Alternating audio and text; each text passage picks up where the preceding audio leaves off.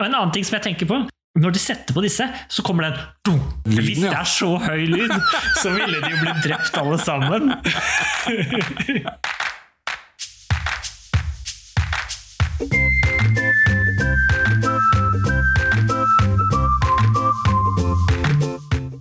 Hjertelig velkommen til nok en ny episode her på podkasten Norsk film er.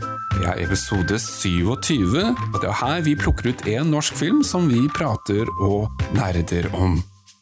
Mitt navn er Lars Kristian, Og jeg heter Robert. og vi skal eh, prate om eh, film som vi pleier. Ja, det skal vi gjøre. En gang i måneden så setter vi oss ned og snakker om film. Det vil si, vi snakker om film oftere enn en gang i måneden, men det blir podkast en gang i måneden. Helt riktig. Det er jo uh, du som har valgt filmen. Ja, det har jeg gjort. Fortell litt om det. Og ja Det var et åpent og fint spørsmål. Jeg har jo valgt da filmen Max Manus fra 2008.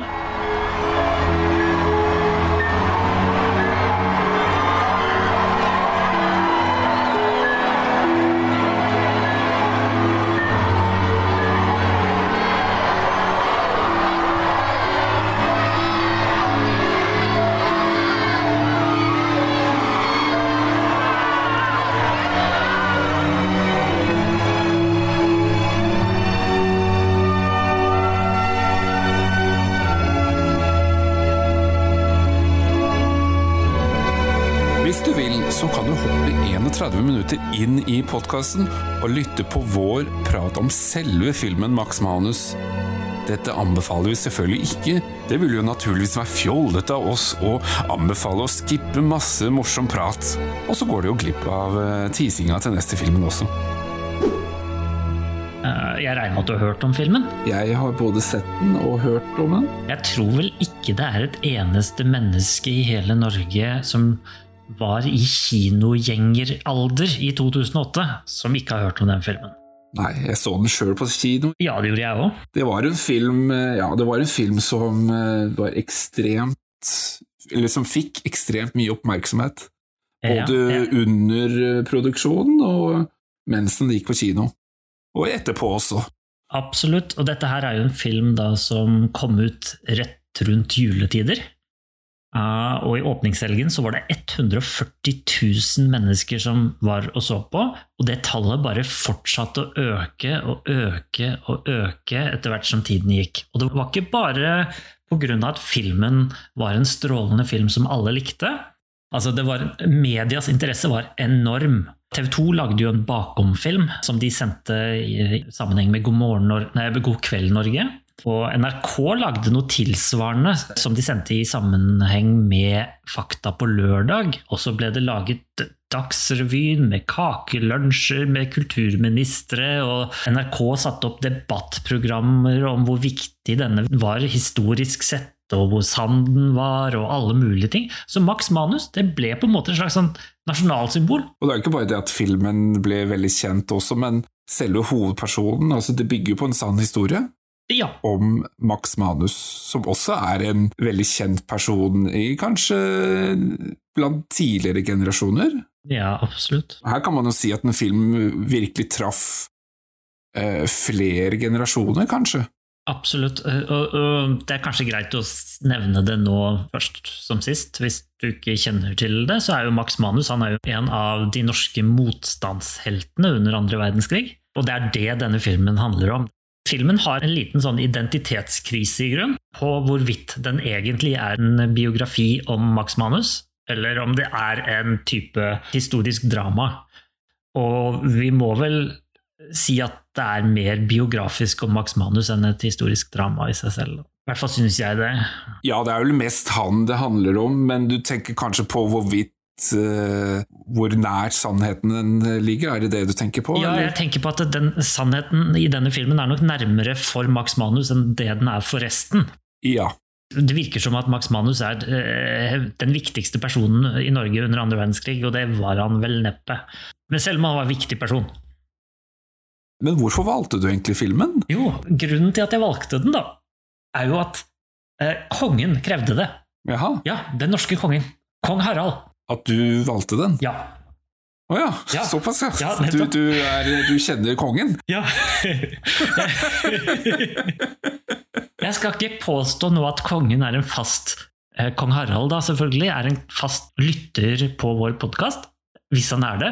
Hei, ærede konge. Det hadde vært veldig gøy. Ja, det hadde vært kjempegøy selvfølgelig om dette ble spilt høyt på Slottet hver kveld. Men jeg skal sitere fra da denne boka.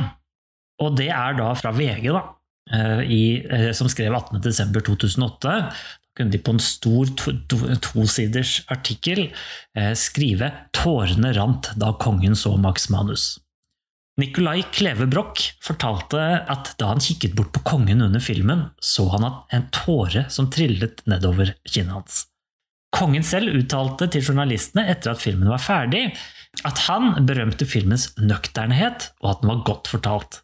Kongen sa videre filmen er betydningsfull fordi den handler om en tid som mange som lever i dag, aldri har opplevd. Den er en viktig del av vår historie. Så hvis kongen mener at denne her er superviktig, en viktig del av norsk historie, ja, da må vi jo snakke om den. Og så tok han en telefon til deg, og så Kongen har talt. Og han ringte ikke deg, altså. altså.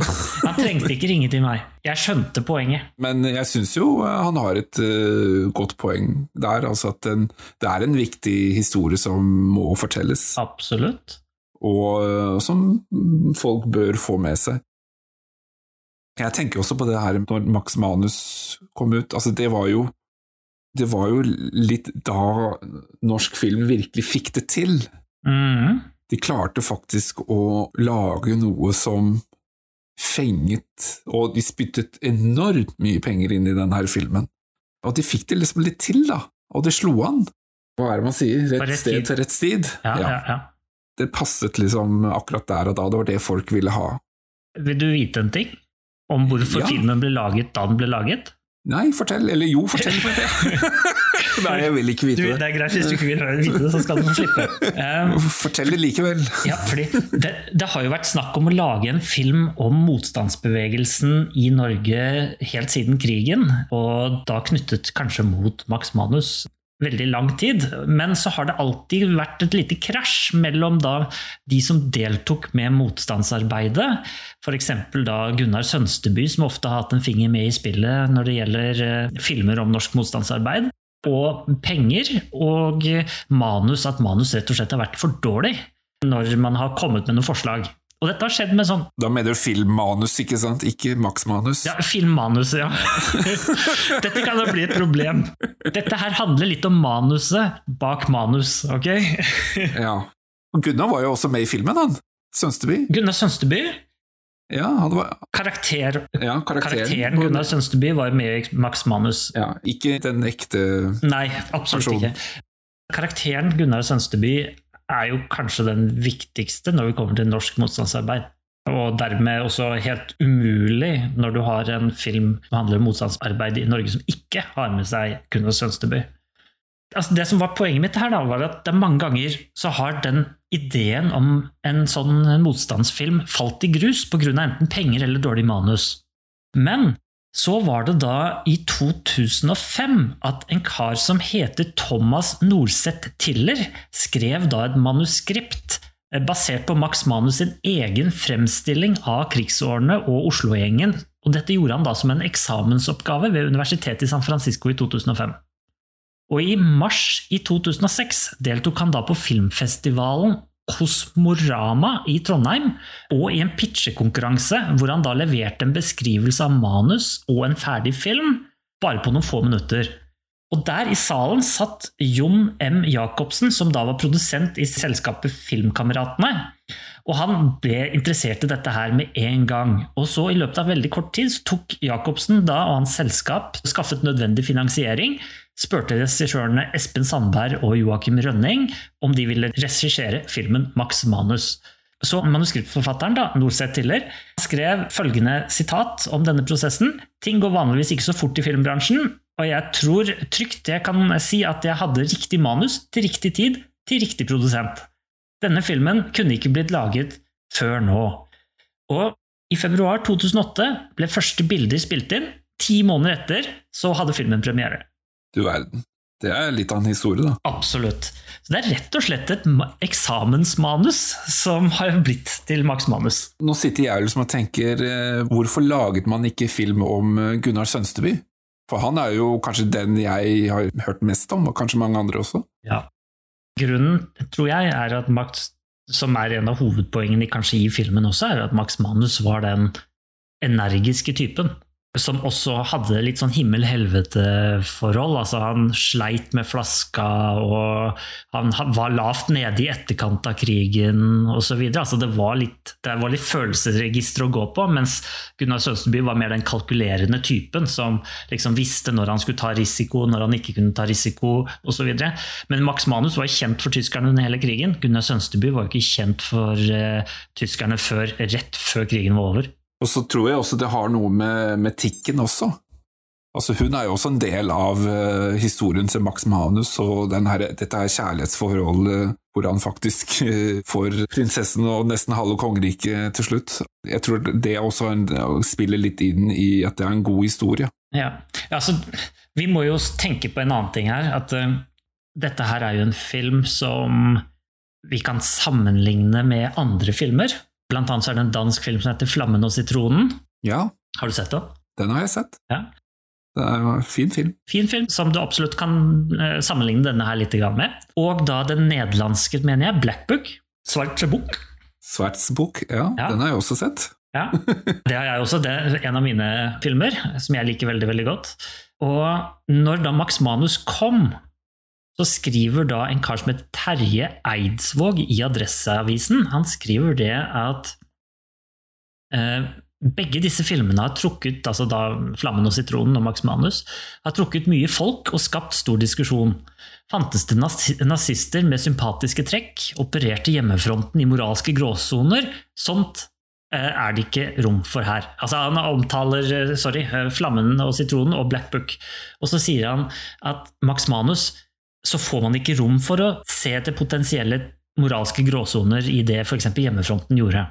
Og grunnen til det, mener da disse filmhistorikerne som snakker om dette her, det handler om det vanvittig store budsjettet og det hastverket det var med å få i gang denne filmen og få gjennomført den. For jeg snakker budsjettet på 50, kanskje 55 millioner kroner, hvor store deler av de pengene var private penger, private bidragsytere, som ville ha liksom en film alle likte, sånn at du kunne få igjen valuta for pengene dine. Og Dermed så valgte filmselskapet og produsentene å tvinge fram en på en måte safe måte å fremstille historien. En standard historiefortelling som alle vil kjenne igjen, og som ikke liksom er noe kunstnerisk eh, potensielt flause. Du visste hva du fikk. De kjørte safe. Så det, det, er litt det følelsen du kanskje sitter igjen med også når du har sett Max Manus, er at dette er en film som kunne vært produsert i hvilket land som helst, på en måte. Bare at det mm. var bare i Norge Max Manus var og gjorde dette arbeidet sitt, og dermed så ble det en norsk film. Men hva husker du fra den gangen du så den? Har du noen minner fra den gangen? Jeg husker jo at jeg, jeg tenkte at wow, kan man lage sånn film i Norge? tenkte jeg. Men jeg var jo ikke veldig gammel. Jeg husker jo at det var skriverier i avisen, og jeg husker jo at, eh, at, det var et eller annet med at nå skulle det spilles inn norsk eh, krigsfilm da, på Karl Johan. Og at de skulle stenge mm. ned hele Karl Johan, og det skulle være stor produksjon der inne. Det husker jeg at det var noen skriverier om. da. Ellers så husker jeg ikke så veldig mye annet. Jeg husker i hvert fall at jeg leste denne artikkelen. Her vaier naziflagget igjen, eller noe sånt. På Stortinget. Ja. Det, ja. Og så kommer Gunnar Sønsteby og skriver 'Jeg fikk den samme gufsende følelsen som den gang'. Altså, jeg husker de artiklene der veldig godt. Jeg også, ja. Men du, Lars. ja. Jeg har den originale DVD-utgaven som har mer tilleggsmateriale enn film. Eh, ja. Så der finnes det både ekstra kommentatorspor med regissører og med Aksel Hennie. Men eh, jeg så den på Netflix. Jeg vet ikke, Hvor så du den? Jeg så den på, eh, på DVD. Ja. Jeg har vært og vanka litt på loppemarkedet og sånn. at der, ja. Trolig nok finner du den der Max Manus i sånn der reflekterende sølvcover. Ja, riktig. Eh, veldig sånn gjenkjennelig. Den finner du nesten på alle loppemarkeder nå. Altså, utrolig nok så er det ingen som vil ha den. Ja, det, det, Jeg tror ikke det. Jeg tror ikke det bare er fordi at ingen vil ha den. Det er vel strengt tatt fordi den er så lett tilgjengelig alle andre steder. Ja. Pluss at det er kanskje den mest solgte DVD-en Det er det nok. i norsk historie. Jeg kan ikke tenke meg hvilken film som skulle ha solgt flere DVD-er enn Max Manus. Det er midt i DVD-ens høyborg, på en måte, eller høytid. Og du finner den jo også Jeg vil jo tro at du finner den på Blu-ray også. Ja. Det er jo nesten lettere å si hvor du ikke finner den i forhold til strømmetjenester, for jeg var inne og sjekka på filmweb.no, Mm. og der var det lista opp uh, i lange baner hvor du kunne få se den. Det var på Alente, Blockbuster, Disney Pluss, Google Play, HBO Max, iTunes Store, Netflix, SF Anytime, Telia Play, TV2 Play, Viaplay og YouTube, altså den lovlige delen, eh, hvor du kan kjøpe og, og leie filmer. Absolutt. Så du finner den egentlig overalt. Filmarkivet fant du den ikke, Nei, utrolig nok. det, skulle du ikke ha noen av disse strømmetjenestene, så gå på biblioteket, der er den. Men eh, en ting til. Når vi skal snakke om Max Manus, så, snakker vi om film fra 2008. Og bare sånn at vi har en litt sånn referanseramme. I 2008 var det det året hvor The Dark Knight ble laget, og Slumdog Millionaire. Så at det er liksom kvaliteten på film Max Manus skal på en måte oppnå. Ikke sant? Max Manus er litt sånn gullstandard i Norge pga. historien, og da glemmer vi litt Vi tenker ikke så mye på hvordan den er laget. Det er greit å huske hva andre land klarte å produsere på samme tidspunkt, sånn at vi eh, kan ha en noenlunde fornuftig diskusjon rundt eh, akkurat kvaliteten på håndverket. Da. Jeg sjekka litt på eh, andre filmer som kom ut i Norge. Jeg skal ikke gå så veldig grundig i det, men altså det er jo, vi har jo filmer som Kautokeino-opprøret Mm. kom jo ut. Tre Varg VM-filmer. jeg, jeg, jeg er litt usikker på om alle de var sånn kinofilmer. Død snø kom ut. Kurt blir grusom. Artig film. Men Filmfront de har jo faktisk to andre filmer som har fått høyere score enn Max Manus. Det er Den døende doktoren og Ballerina. Har du sett Det er vel Nei, det har jeg ikke. Jeg har ikke hørt om dem heller. Eh, Men eh, det er vel egentlig en slags Det er vel egentlig brukerne som stemmer på dette her, og så er det jo egentlig bare snittet som eh, Eller, eller det, er kanskje, det er kanskje terningkast fra aviser og sånn? Ja, det er, en- det, fra Filmweb har i hvert fall to. De har én folkets score og én eh, akademikerne, holdt jeg på å si, synsernes score. Ja, ikke sant. Jeg vil bare nevne en ting til også. Altså, det er jo ingen som tviler på Max Manus sin suksess.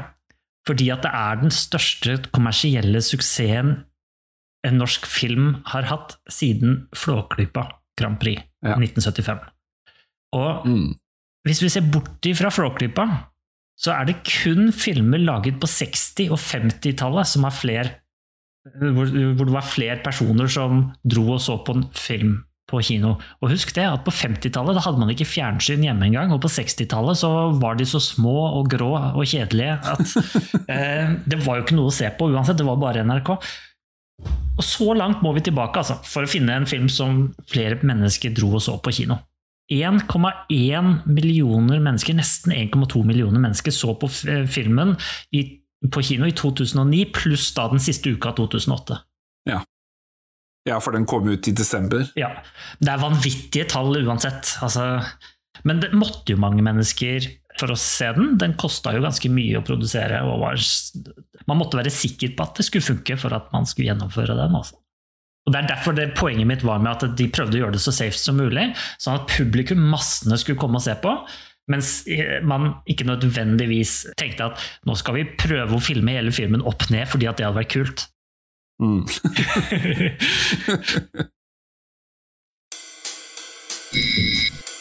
Du, hvem er du egentlig? Jeg går med posten din. Roy kan masse. Hva da, for eksempel? Var Roy, ikke sant? Roy, ja.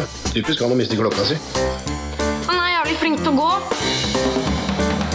Det Tre ikke som prøvde å rappe postveska mi.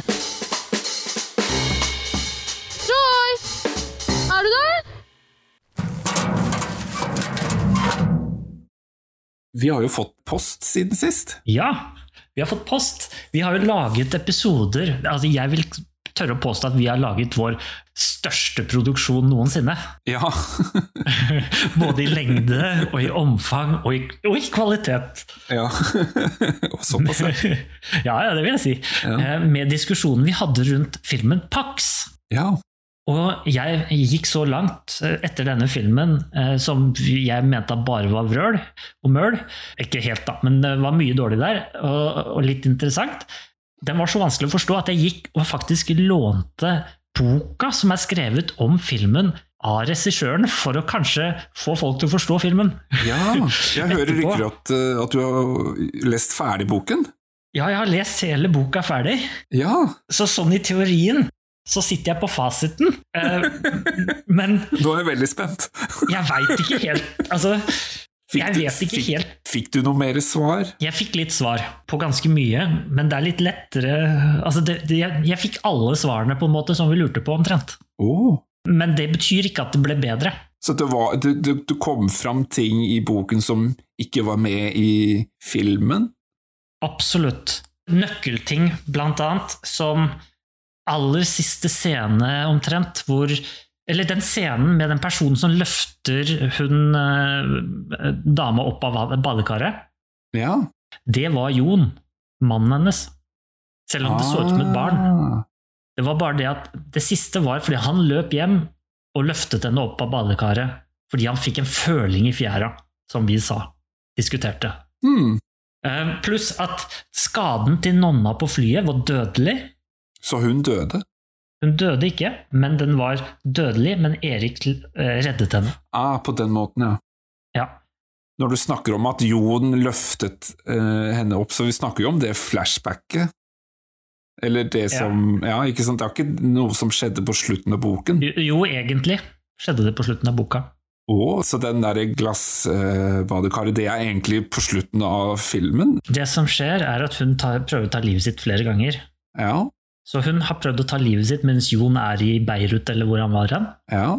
Og hun hadde merker rundt håndleddene som står beskrevet tydelig i boka, Mm. som ikke Jon legger merke til før han underbevisst kommer på de merkene og skjønner at hun kanskje tok livet sitt når han sitter på den sushirestauranten helt på slutten. Men Og prøver så, hun sa- når han, når han skjønner det, så løper han tilbake og redder henne. Men prøver hun å ta livet sitt på slutten av boken? Ja. Å, det gjorde hun jo ikke i filmen. Det er i hvert fall ikke noe jeg eh, plukka opp. Ja, det det ble, var jo for så vidt det som ble vist, men det var jo ikke det vi skjønte. og han Bromsen, vet du. Ja.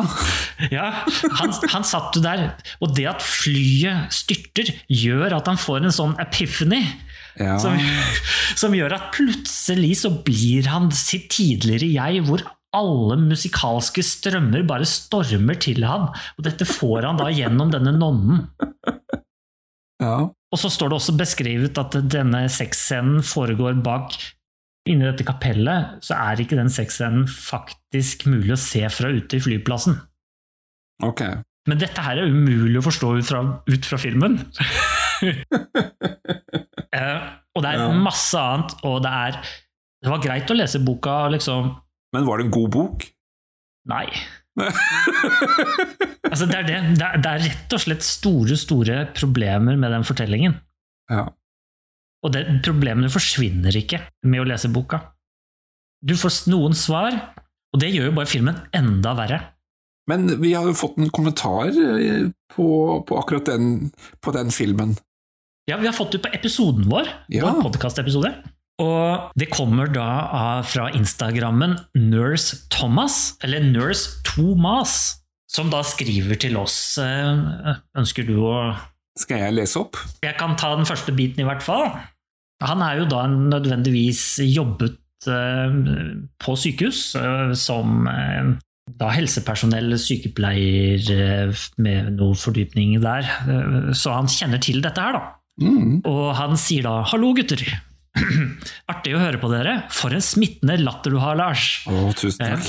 Eh, Har ikke sett Pax, men kan prøve å hjelpe dere med frustrasjonen om overdosering med piller. Ja, det er hun der eh, Det er hun Katrine. Katrine, ja, som uh, i dette her badekaret. Riktig.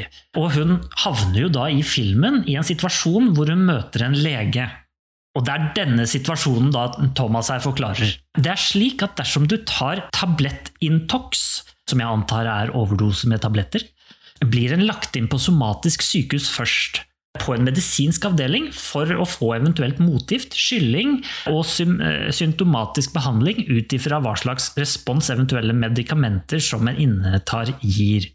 En ble ikke tatt imot av psykolog slash psykiater i akuttøyeblikket.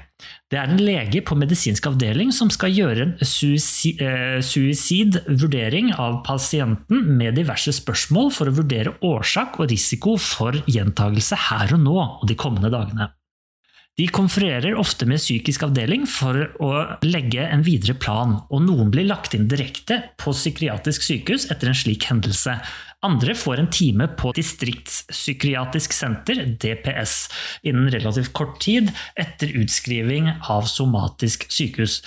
Eller at de har eh, allerede et psykisk team rundt seg som en kan kontakte. Men det at det er en kirurg som sitter og har de samtalene, det er meget sjeldent. Fordi, som sagt, de blir som oftest lagt inn som medisinske case. Så der fikk vi en faglig forklaring, og Thomas er jo selvfølgelig hjertelig velkommen til å svare på alle de medisinske utfordringene som vi har ja. i forhold til filmene våre fremover. Så i dag, Max Manus, hva er sannsynligheten for å overleve hva han gjennomgår i løpet av krigen, f.eks.? Men vi var jo liksom ikke så langt unna, føler jeg, da, i den frustrasjonen vi, eh, vi hadde på, på, den scenen her også. Vi, det var jo visse ting vi trigga på som vi ikke helt skjønte, og det, det setter jo han jo fingeren på her også. Absolutt.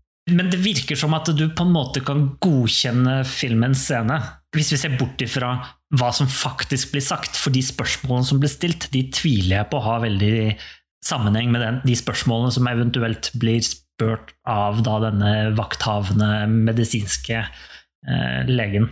Den ga ikke så veldig mye mening, den scenen. Nei, det var en ræva scene. Men eh, Nurse Thomas, se filmen Pax. Ja, vi anbefaler det, altså. I hvert fall se den første scenen. Da får du se hva du egentlig har svart på her. Og hvordan Jeg syns han burde se hele filmen, jeg, altså. Ja, absolutt. absolutt. Han må jo lide gjennom den filmen. Uff a meg. Nei da, men uh, Ellers så må jeg bare si det at vi, uh, Ida Elise Broch uh, har jo gitt oss tommel opp for vår reaksjon på filmen Pax. Du verden, det var jo hun som spilte nonnen. Helt riktig! Og for å ha en liten sånn overgang sånn som vi skal, til det vi skal nå Han som spilte legen i denne forferdelige scenen her, han spiller jo også i Max Manus, hvor han riktig. egentlig er den personen med høyest rang i da denne motstandsbevegelsen. Sydnes heter vel han Ja, i virkeligheten. Kaptein Sabeltann. Kaptein Sabeltann. det er helt riktig, han er også med i denne filmen. Tenk det! tenk det. Han spilte i Max Manus, og så hans neste film er Pax. Snakk om nedtur! Det er fra toppen til bunnen, det. Ja. Åh, det er ikke Sydnes sin skyld, da, selvfølgelig. Nei da, han, han gjør faktisk en utmerket rolle i Max Manus. Ja, i Max Manus også. Altså, bortsett fra den ene scenen i Pax, som vi, Som vi nå har omtalt, som vi omtalte, så syns jeg egentlig han gjør en utmerket rolle som lege. På et generelt plan, da. Men, Ja. men, men vi skal ikke snakke om Pax nå. Ah, vi kunne laget en episode til. Det blir nesten del to, dette her av Pax. Kan vi kanskje invitere dem eh, til samtale? Kanskje vi skal ta en sånn psykologtime med han Sydnes, skal vi se hva som skjer.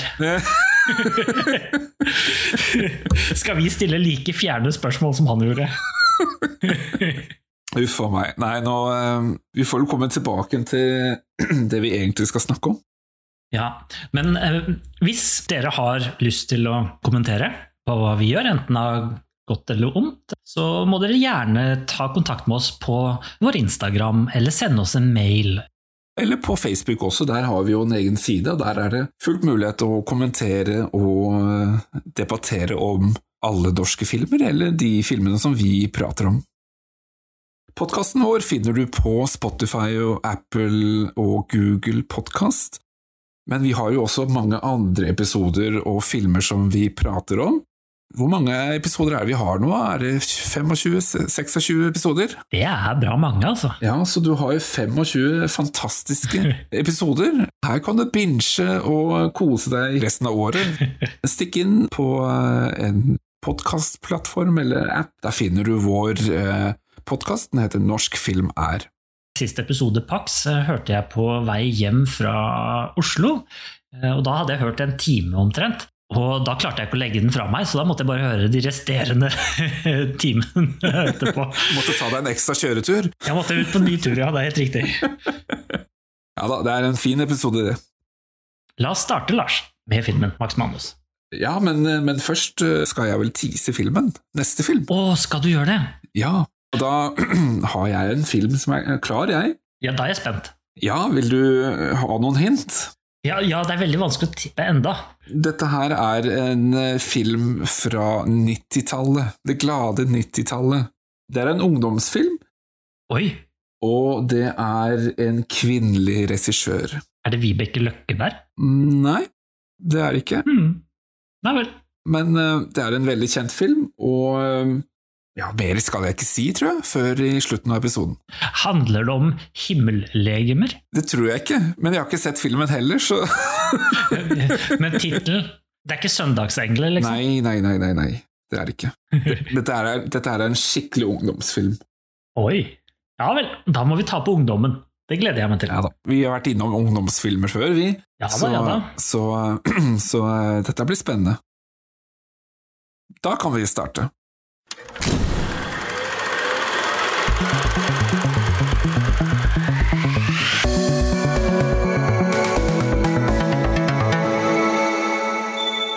Vi kommer til å spoile denne filmen, så det er jo en fordel om du har sett Max Manus på forhånd. Vi kommer i hvert fall til å si hva som skjer. Da kan jo potensielle interessante momenter forsvinne eh, for deg, hvis ikke du har sett den allerede. Ellers så er det jo sånn at vi nevner jo en hel del filmer og andre referanser i løpet av episoden. De kommer Lars her til å liste opp i en flott liten sånn episodenotat. Og så legger vi også ut eh, linker til diverse eh, bakgrunnsstoff og, om Max Manus, og artikler som kan være interessant. Men du, Robert, Ja, du som har sett filmen nå, eh, hva handler, hva handler egentlig Max Manus om? det handler om Max Manus. Det der klingende norske navnet Max Manus? Ja, jeg vet ikke om du, du vet årsaken til navnet hans. Faren hans som jobba i spansktalende land og fant ut at eh, han het vel Magnussen, eller noe sånt, til etternavn. Johan Magnussen. og dermed skifta navn til Manus, fordi at det var lettere å uttale. Juan Manus bytta han navnet til. Ja, ikke sant? Ja. Det er. Det er jo litt morsomt. Det er det! Og Altså, dermed så ga han sønnen sitt navnet Max, eller Maximus, eller noe sånt. Maximo Gulermo Manus. Altså, det er veldig snodig navn, da, for, uh, siden man er, egentlig er norsk, da. Ja, han høres jo ganske høy på seg selv ut, han faren. Ja. Det- altså, det, det, det høres jo ut som en karakter fra eh, Gladiatoren. Ja, absolutt. Men, eh, Son of murdered, murdered father. men jeg stusser jo litt på hvorfor han bestemmer seg for, eller faren, da, hvorfor de egentlig bytter navn.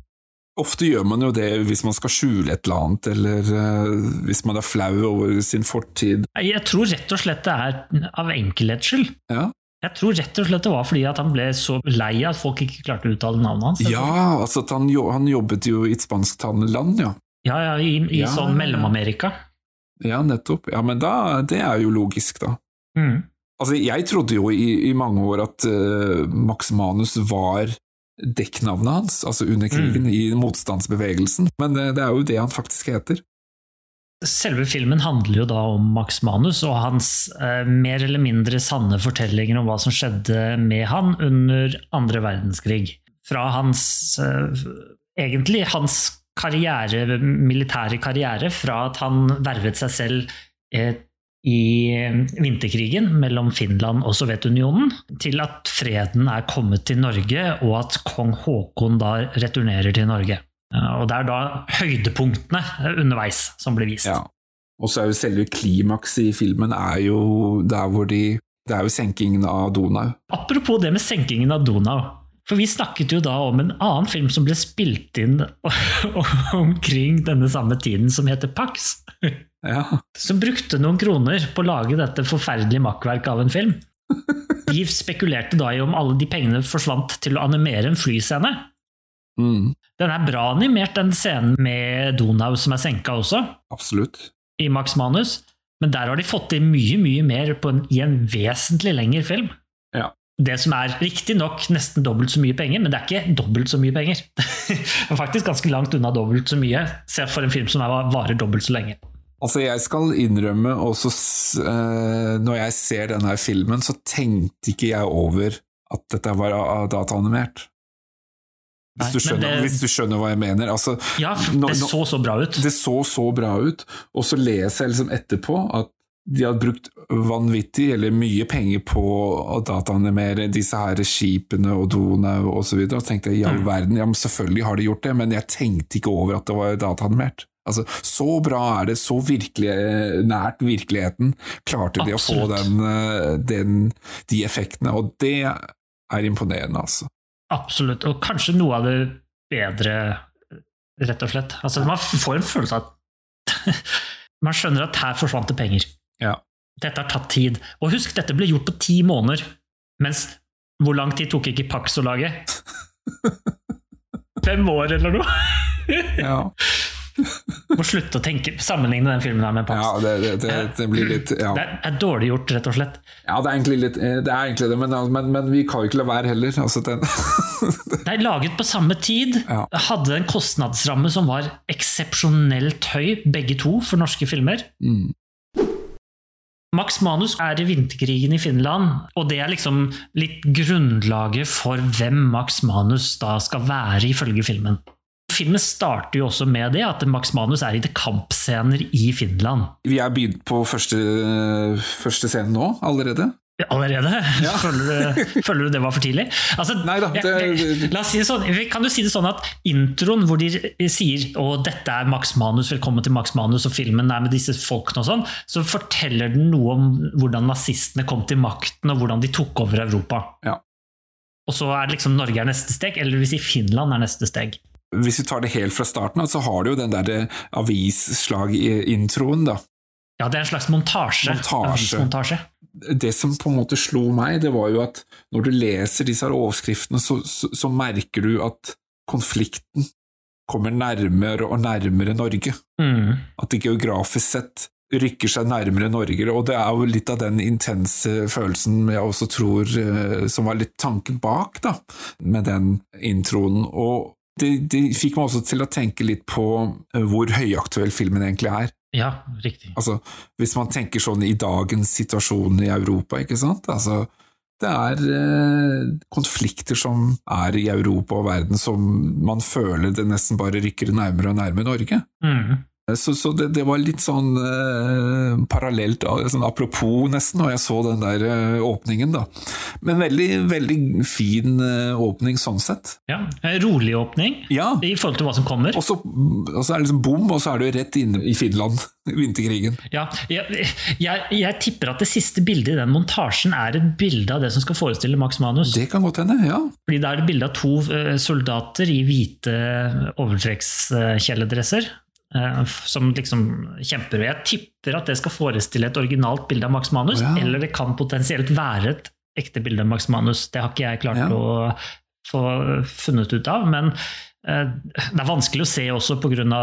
Ja. lav oppløsning. og sånn. Altså du, du kunne laget det bildet med å lage, ta fyr i, fyr i papir, på en Ja, måte. ja, det er ja. detaljene nivået. Mm. Eh, Men, men så er vi midt inne i eksplosjoner, og vi får veldig tydelig merke hvordan totalt kaos en krig kan Ja. være, med liksom frykt inn i Aksel Hennys øyne, som spiller Max Manus, og ultranære bilder av blod og gørr og dritt, og mennesker som blir skutt i fillebiter, og det er skikkelig herslige greier.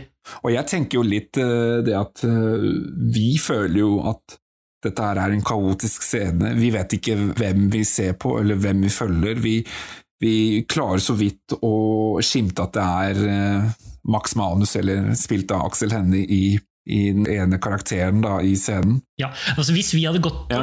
gått inn og se, sett denne filmen uten å vite at Max, eh, Aksel Hennie spilte Max Manus, så ville jo ikke vi visst at det var Max Nei, Manus. men jeg tenker jo også at eh, det, det er jo et bilde på Altså Denne kaotiske scenen er jo også et bilde på hvordan de hadde det. Det er bare kaos. Du lever der i frykt, ikke sant, og du aner ikke om den den personen som står kanskje 20-50 meter unna, er en, en av dine egne, eller om det er fienden. da. Så, så det, jeg, jeg den, akkurat den scenen åpner egentlig veldig bra. Dette var jo et eh, innovasjon fra Sovjetunionen, Ja. og mange naboland de hjalp jo til eh, i Finland. Altså de, Mm. Også sånn som Max Manus da, som fra, fra Norge, vervet seg jo frivillig. Ja, ja. En del nordmenn som gjorde Ja. det. Eh, også fra Sverige og, og eh, Danmark og andre land i Europa. Og det er jo fordi man fryktet jo at man fryktet jo at Finland skulle bli tatt, men man fryktet jo også at, skulle, at eh, Sovjetunionen skulle gå videre, altså inn til Sverige og Norge. ikke sant? Så det var jo derfor de, de, eh, man deltok i, i den vinterkrigen. En liten eh, fun fact. Vet du hvem som også kjempet på finsk side? En kjent skuespiller? Han lever ikke lenger, da. Uh, Engelsk. Uh, Sean Connery. Ja, han kunne kanskje vært det. Uh, han, eh, Han er skotsk, han er kanskje? skotsk, så du må jo ikke si at han er engelsk, men Eh, Nei, det, det vet jeg ikke. Christopher Lee har du kanskje Oi. hørt om. Ja, Han ja, har jo vært med, med i masse filmer. Eh, Så Ja. kanskje Max Manus og Kristoffer Christopher Lee satt og drakk te sammen, hvem vet, sånn oppe i skogen der. Eh, Det så ikke ut som de satt mye og drekk te, i hvert fall ifølge Nei, filmen. men mellom slagene, da, så Men, men dette her er jo en av utfordringene med filmen, at den er veld, veldig intens. Ja. Eh, Det er veldig, veldig, veldig krig. Eh, Veldig krig. det var krig, og det var veldig krig, liksom. Eh, Men annen, en annen utfordring er jo at man er litt usikker på hvilken rolle Max Manus faktisk hadde i vinterkrigen. Hvor mye at det, Senere, altså gjennom hele filmen, så får liksom Max Manus flashback til at han var i vinterkrigen. Mm. Og på noen av de så virker det som at Max Manus var den eneste overlevende. På en måte. At han hadde til slutt tatt, de hadde tatt livet av hverandre, og til slutt var det bare han igjen. Ja, altså det, det, Og det der er antageligvis ikke sant. det skjer jo egentlig ikke noe sentralt i de i scenene, annet enn at man merker at det er krig, det er intenst, og han opplever noe som er eh, helt forferdelig. Sant? Altså, men- det, det, er ikke noe, det, er er, er ikke noe handling i de der vinterkrigsscenene. Nei, men poenget er jo bare at man skal gi grunnlag for at han får en Ja. PTSD eller noe sånt Ja. nå. Altså Ja. han? Som han kommer til å slite med resten av livet, og som kan ligge til grunn for de, de psykiske utfordringene som han faktisk får eh, etter hvert. Utover filmen så ser man jo det er ikke noe sånn, sånn spesifikt som man, som man tenker å ja, han har møtt den personen, eller han, han tok sitt første liv, eller altså, altså Det er veldig sånn Kall det Det kan vi anta at han gjorde, da. Men han har nok vært i krig før det òg? Tror du det? Er ikke dette her mot slutten av krigen, eller er det Nei, dette er jo starten. Vinterkrigen er jo i 1939. Ja, det er det kanskje. Så det er Ja, kanskje det var der han skjøt sin første fiende. Ja. Husk også hvor gammel Max Manus er på dette tidspunktet. Eh, Max Manus er vel 31 når krigen er over, Oi. så dette er seks år før det. Så da er han 25, da. Det er jo nesten bare guttungen. Ikke sant? Så han er 25 når han er i vinterkrigen. Ja. Det er Det er ikke noe rart at han har den frykten, sånn som han viser i, i disse scenene. Da. Men så viser han også Det er ganske drøyt. Ja, men så viser han også at eh, viser han også et type instinkt, som er liksom et krigsinstinkt, hvor han Mm. Overlevelsesinstinkt, som han viser, som vi får da i flashback. Men først i starten så får vi det første flashbacket, er jo at han er livredd. Ja. Det andre er at er det noe tilsvarende, og det tredje så ligger han igjen som Nei, det andre så tar han og angriper fienden noe voldsomt, og skyter, skyter i alene, og til slutt, siste, så er han helt alene Mm. og alle andre døde. Så jeg tror det er en progresjon i de tre klippene, eh, flashbackene, som, som han stadig vekk får igjen Mm. gjennom filmen. Men uansett, han får, dette første flashbacket fra vinterkrigen er jo noe han får mens han ligger på sykehuset, skal det virke som. Ja, det stemmer det, og vi får jo nesten inntrykk av at han er, han er havnet på sykehuset av den vinterkrigen. Ja, riktig. Og det er jo ikke tilfellet. Og det er jo ikke tilfellet, det, det finner vi ut seinere, at det, det er jo en helt annen grunn til at han ligger på sykehus, og det er jo det vi får vite etter hele introen. Ja. Eller den Ja. voiceoveren. det, det er jo ja. i grunnen litt forvirrende. ja, egentlig. Fordi at de Stort sett så viser de jo no, hvilket tidspunkt vi er på skjermen, ved å skrive når det skjer og hvor det er og sånn. Men her så lar de være å gjøre det. Jeg tipper de gjør det med hensikt for å forvirre oss litt. Jeg, jeg syns det var ganske snedig fortellerteknikk, da. Det er jo klart, hvis ikke det ville blitt gjort tydelig klart når dette faktisk var, så ville det jo vært en dum ting å ikke fortelle oss når det er. Ja. At han ligger der på sykehuset. Men vi får jo vite det veldig tydelig etter hvert. Da har de på en måte løst problemet de lagde. Jeg syns jo akkurat det, det som vi snakka om i stad, med hvor ung Max Manus var. Ja. Det var jo ikke det, eh, sånn at han ble tvunget opp dit heller. Altså, dette var jo et valg han gjorde sjøl. Han, han, han dro jo dit frivillig. Eh, Så, så, så det sier jo også noe om han som karakter, eller den karakteren han har, da. Det er utrolig sterkt, altså. Max Manus er jo på en måte Han blir jo på en måte fremstilt her som en litt sånn løs kanon. Mm. Ikke sant?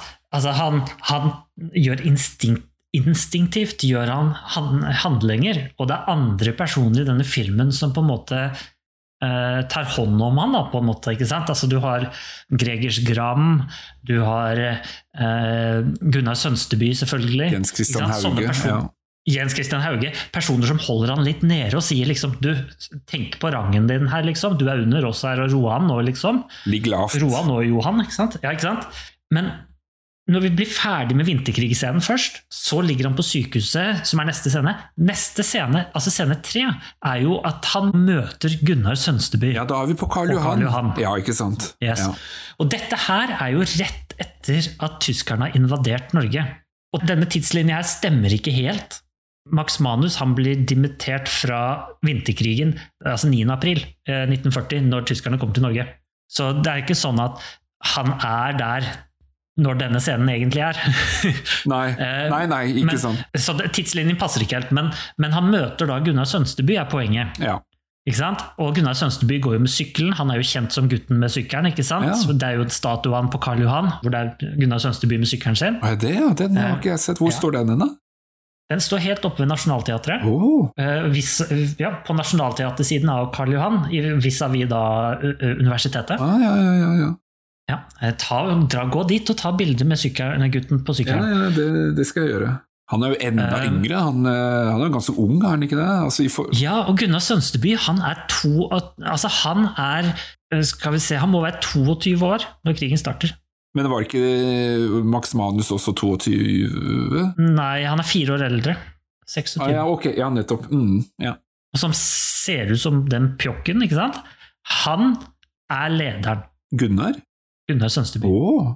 Ja, ja, ja, jeg trodde det var han Gram som var litt mer den ledertypen. Eh, nei. Poenget mitt her er bare det at Max Manus var liksom den litt eldre, selv om han var ung han òg. Men han var litt eldre enn mange av disse unggutta. Men det er uansett bare guttunger, disse her, som liksom flyr rundt og som Det, det, det er, Dette er personer som enda ikke har stifta familie, som tenker det er noe gærent med at alle disse tyskerne er her. dette, Vi må gjøre noe. Dette her tenkte jeg også på, at altså, dette her er ungdommer på 20-25 år, ikke sant. De, de kommer kanskje rett fra studiet, eller holder på å studere. Ja, noen av dem gjør det. Ja, ikke sant. Også, også det iveret og det engasjementet med, med å gjøre motstand, altså jeg synes det er ganske imponerende, altså i den alderen. Yes. Men Max Manus han er jo åpenbart ingen student eller lesehest på noen måte. Gregers Gram derimot var jo noe annet. Han var faktisk studert og slikt. Mens Max Manus droppa ut ifølge filmen i femte klasse. Han er kanskje mer den altså. gategutten som ja, sånn gatesmart, da, kan man si. ja, men, men han tar liksom militær karriere, Ja, ikke ikke sant, sant? Og han, mulighetene der. Han er personen med mark i ræva, liksom. Han sier jo også det senere i filmen, at eh, når, når krigen er over og, og alt er ferdig, sant, så, er han jo helt fortvila, fordi han har ikke noe utdannelse, han har ikke noe jobb, han har ingenting. Mm. Og alt det han har gjort, det er liksom motstandsbevegelse og krig og kjempet for Norge. Det er jo en god CV, det, da, for så vidt. Men, Ja eh, men det er jo klart, husk eh, under krigen, hvis tyskerne hadde vunnet, så hadde jo han vært terrorist. Ikke sant? Det er jo en av de tingene. Altså, det ble trukket likhet mellom Max Manus-filmen og palestinerne i 2008, når filmen kom. At disse personene på Gaza blir kalt for terrorister, var egentlig praksis det samme som disse gutta her var. De kjemper bare for å få tilbake landet sitt. Jeg vet ikke om dette var den gruppa her, men noen av disse her eh, gruppene, da, de finansierte seg ved å rane eh, Oslo Sporveier. Lønns, Ja lønnskontoret der. Så det Ja, leste jeg et sted. Så det er jo Altså, det, det var jo litt på kanten av, av loven òg, da. Ja, altså, alt de driver med, er jo på kanten av Ja, loven. ja, både på den ene og den andre siden. Ja. Bra fangst. Et halvt år inn i krigen ble alt mer organisert. Husk på dekkene nå, gutter. Vi skulle ta imot ordre. En av dem som hadde forbindelse med regjeringen i London, var Jens Christian Hauge. Da vi var små, lekte han og jeg krig i Anskogen. Edvardsen, Det var lenge siden nå. hva er ditt dekknavn? 12F? Jeg må bare si at eh, den her introduksjonen med den her voiceoveren, jeg syns den er ekstremt god. Hvordan han man forklarer altså Aksel Hennie Max Manus sjøl, som forklarer at han blir en del av motstandsbevegelsen. Det er ikke noe overflødig, vi får akkurat det vi trenger å vite. Altså, hvor er vi, hva er det de gjør, og hva er det de skal, og hva er premisset? Tyskerne har inntatt Norge, og at det, at det liksom bygger opp den der motstandsbevegelsen. Og jeg syns de gjør det ekstremt bra. Mm. Det er bom, bom, bom. Og jeg tok tida, hele den introen med vinterkrigen. Til de står på taket, eller? Ja, altså, helt siden han havner på sjukehuset da, og rømmer. Ja, riktig. Men det føles ikke så langt i det hele tatt. Den er så velskreven og bra klippet, syns jeg. Absolutt. Jeg ble liksom imponert bare å se starten av den her. Vi blir jo på en måte introdusert her. ikke sant? Ja. Altså, på Karl Johan møter vi da Gunnar Sønsteby, selvfølgelig, og sånn, men, men de møter jo alle sammen oppe på et tak. Nettopp. Og så sier de 'hva i all verden er det vi skal gjøre nå'? Det er jo liksom Ja. Altså, Tyskerne er her, hva kan vi gjøre? Kan ikke vi, altså, vi, vi må gjøre noe, ikke sant? Og Max Manus er jo liksom 'ja, la oss skyte alle sammen', ikke sant? det er i hvert fall litt sånn under, Han, han er liksom den der handlingens mann. Ikke sant? Altså, han vil gjøre noe, mens han Gram, da, Gregers, er det han? Gregers Gram? Ja, Gregers Gram, som er spilt av Nicolai Han, Klevebrok. han er mer den der eh, vi kan gjøre andre ting også, og så, og så begynner de jo med å lage den avisen. Ja, og Grunnen til dette her er jo fordi at hvis du ønsker å gjøre motstand, så må du jo fortelle alle andre om at det finnes et ønske om å gjøre motstand. Nettopp. Sånn at de som ønsker å gjøre motstand, kan samle seg og faktisk gjennomføre motstand. Gregers Gram tenker litt lenger, ikke sant. Ja. Vi møter jo da masse av de sentrale personene i det som kommer til å være Oslo-gjengen. Mm. Det fantes mange av sånne grupper som gjorde sabotasje og, og, og aksjoner sånn sett. Jeg må jo bare si at den, den her scenen med Karl Johan helt i starten, altså hvor de trasker over plassen altså, Det er en ganske imponerende scene. Altså, du får den derre God, altså, ikke godstemning, det kan man ikke si, men, men hele atmosfæren der med kostyme og uh, Du ser tyskerne marsjere opp, og du ser storting, ikke sant, og alle liksom flagg er- og banner altså, det, er, det, er, det er utrolig mye som må klaffe der, altså. Ja, ikke for å sitere Gunnar Sønsteby, altså, men han fortalte jo, som jeg sa litt tidligere, at han fikk en skikkelig guffen følelse når han så det der. Og det skjønner jeg godt. Ja. Det er litt det der, altså det, det så helt Altså, det ser i teorien ekte ut. Ja, ja, ja men, men, men og, og tenk så mye mentalt sett skal satse og skal planlegge, og, og bevisstgjøring av hvordan ting skal være, og hvordan ting så ut. Altså, det, er, det er ganske detaljert, altså. Men det, det de også viser, er jo det at hvordan de var litt uforsiktige i starten. ikke sant? Ja, At de møter hverandre foran nazistene som marsjerer. ja, ja. Ja. At de går og snakker veldig åpenlyst og sånn. Altså, det skjedde nok antageligvis ikke, og i hvert fall ikke etter hvert. Og så går vi videre til at de bestemmer seg å lage denne her illegale avisa si, ikke sant? ja, ja. Jeg vil bare si det at Når Nicolai Kleve Broch sitter der ved skrivemaskinen helt i starten og skriver, og lyset skinner inn fra vinduet, og liksom det reflekterer i skrivemaskinen i den der plingstanga, ikke sant? Altså Jeg vet ikke hva det heter for noe, den som flytter liksom hele den skrivemaskinen. Og røyken oppover stiger inn i rommet og sånn. Det det er eh, Det er en fin scene. det er flott scene. Film noir-scene i grunnen. grunn. Ja, ja, Når man tenker på filmen også, så passer det egentlig med litt film noir-filmspråk i den. Men fargene er ganske sterke på dette tidspunktet. Litt sånn som at glede Altså liksom Ideen, det stråler av dem. Ja, at nå skal de virkelig Engasjementet er der. De skal endelig klare det, og de er fulle av liv og alt mulig rart. Men hvis du tenker på scenen når de skal liksom feste disse greiene på Donau og sånn, så er jo hele bildet er jo helt sånn blågrått. De er nesten helt uten liv i ansiktet alle sammen, og tidsperspektivet vises med å bruke farger i denne filmen. Akkurat det syns jeg er veldig fint. Når vi først er her på Karl Johan og i Oslo, Ja. jeg tenkte jeg skulle trekke fram et poeng med arkitekturen. Hvis man legger merke til de bygningene som er i området der, de går opp på tak, ikke sant? og du ser noen av de bygningene, og så tenker man ja, men de ser jo så moderne ut. Men det er faktisk sånn arkitekturen og bygningene så ut på den tiden. Den her litt sånn rette stilen. Ja, Art Deco. Ja, Art Deco kom kanskje litt seinere, men den funksjonalistiske stilen, eller Ah, Bauhaus, ja. eller Ja, ja, eh, funky, eller hva man kaller det, altså, det var liksom på 1920-30-tallet. Altså, hvis du ser på Mm. Oslo rådhus, det ble jo påbegynt i 1930. Ja, det er Art Deco-aktig, det rådhuset. Eh, Kanskje det også, men man sier jo ofte at det er funksjonalistisk, altså det er funksjonelt, det er ikke mye som krimskrams, og det, det, det er jo som en boks som står der. Ja, ikke sant? Du har Deichmanske bibliotek, bygget i 1933. Det er grønne byggene, eller tidligere Deichmanske, da, så det er oppe ved regjeringskvartalet. Ja, ja, ja. Ekebergrestauranten. Ja. 1929, altså det, det er liksom den derre rette Jeg syns det er vakre bygninger. Ja. Også strøket rundt eh, Nationaltheatret, hvis du Åh, hva heter den gaten? Stortingsgaten, som, Mm. eh, som går parallelt med Karl Johan. Hvis du passerer forbi Nationaltheatret, altså selve teatret, da har du på venstre side har du sånne svære bygninger også, og det er de samme bygningene som er der eh, den gangen også. De ser eh, kanskje litt oppussa ut i dag, kanskje litt andre farger, men det er de samme bygningene. Er du i Oslo, ta og gå en tur rundt Nationaltheatret, og så tenker du at dette er jo faktisk bygning som var den gangen også. Og det tenker kanskje ikke mange på, at dette her er en stil som strekker seg så langt tilbake. Men da har vi jo fått litt arkitektur her. eh, Det Ja. var jo fint.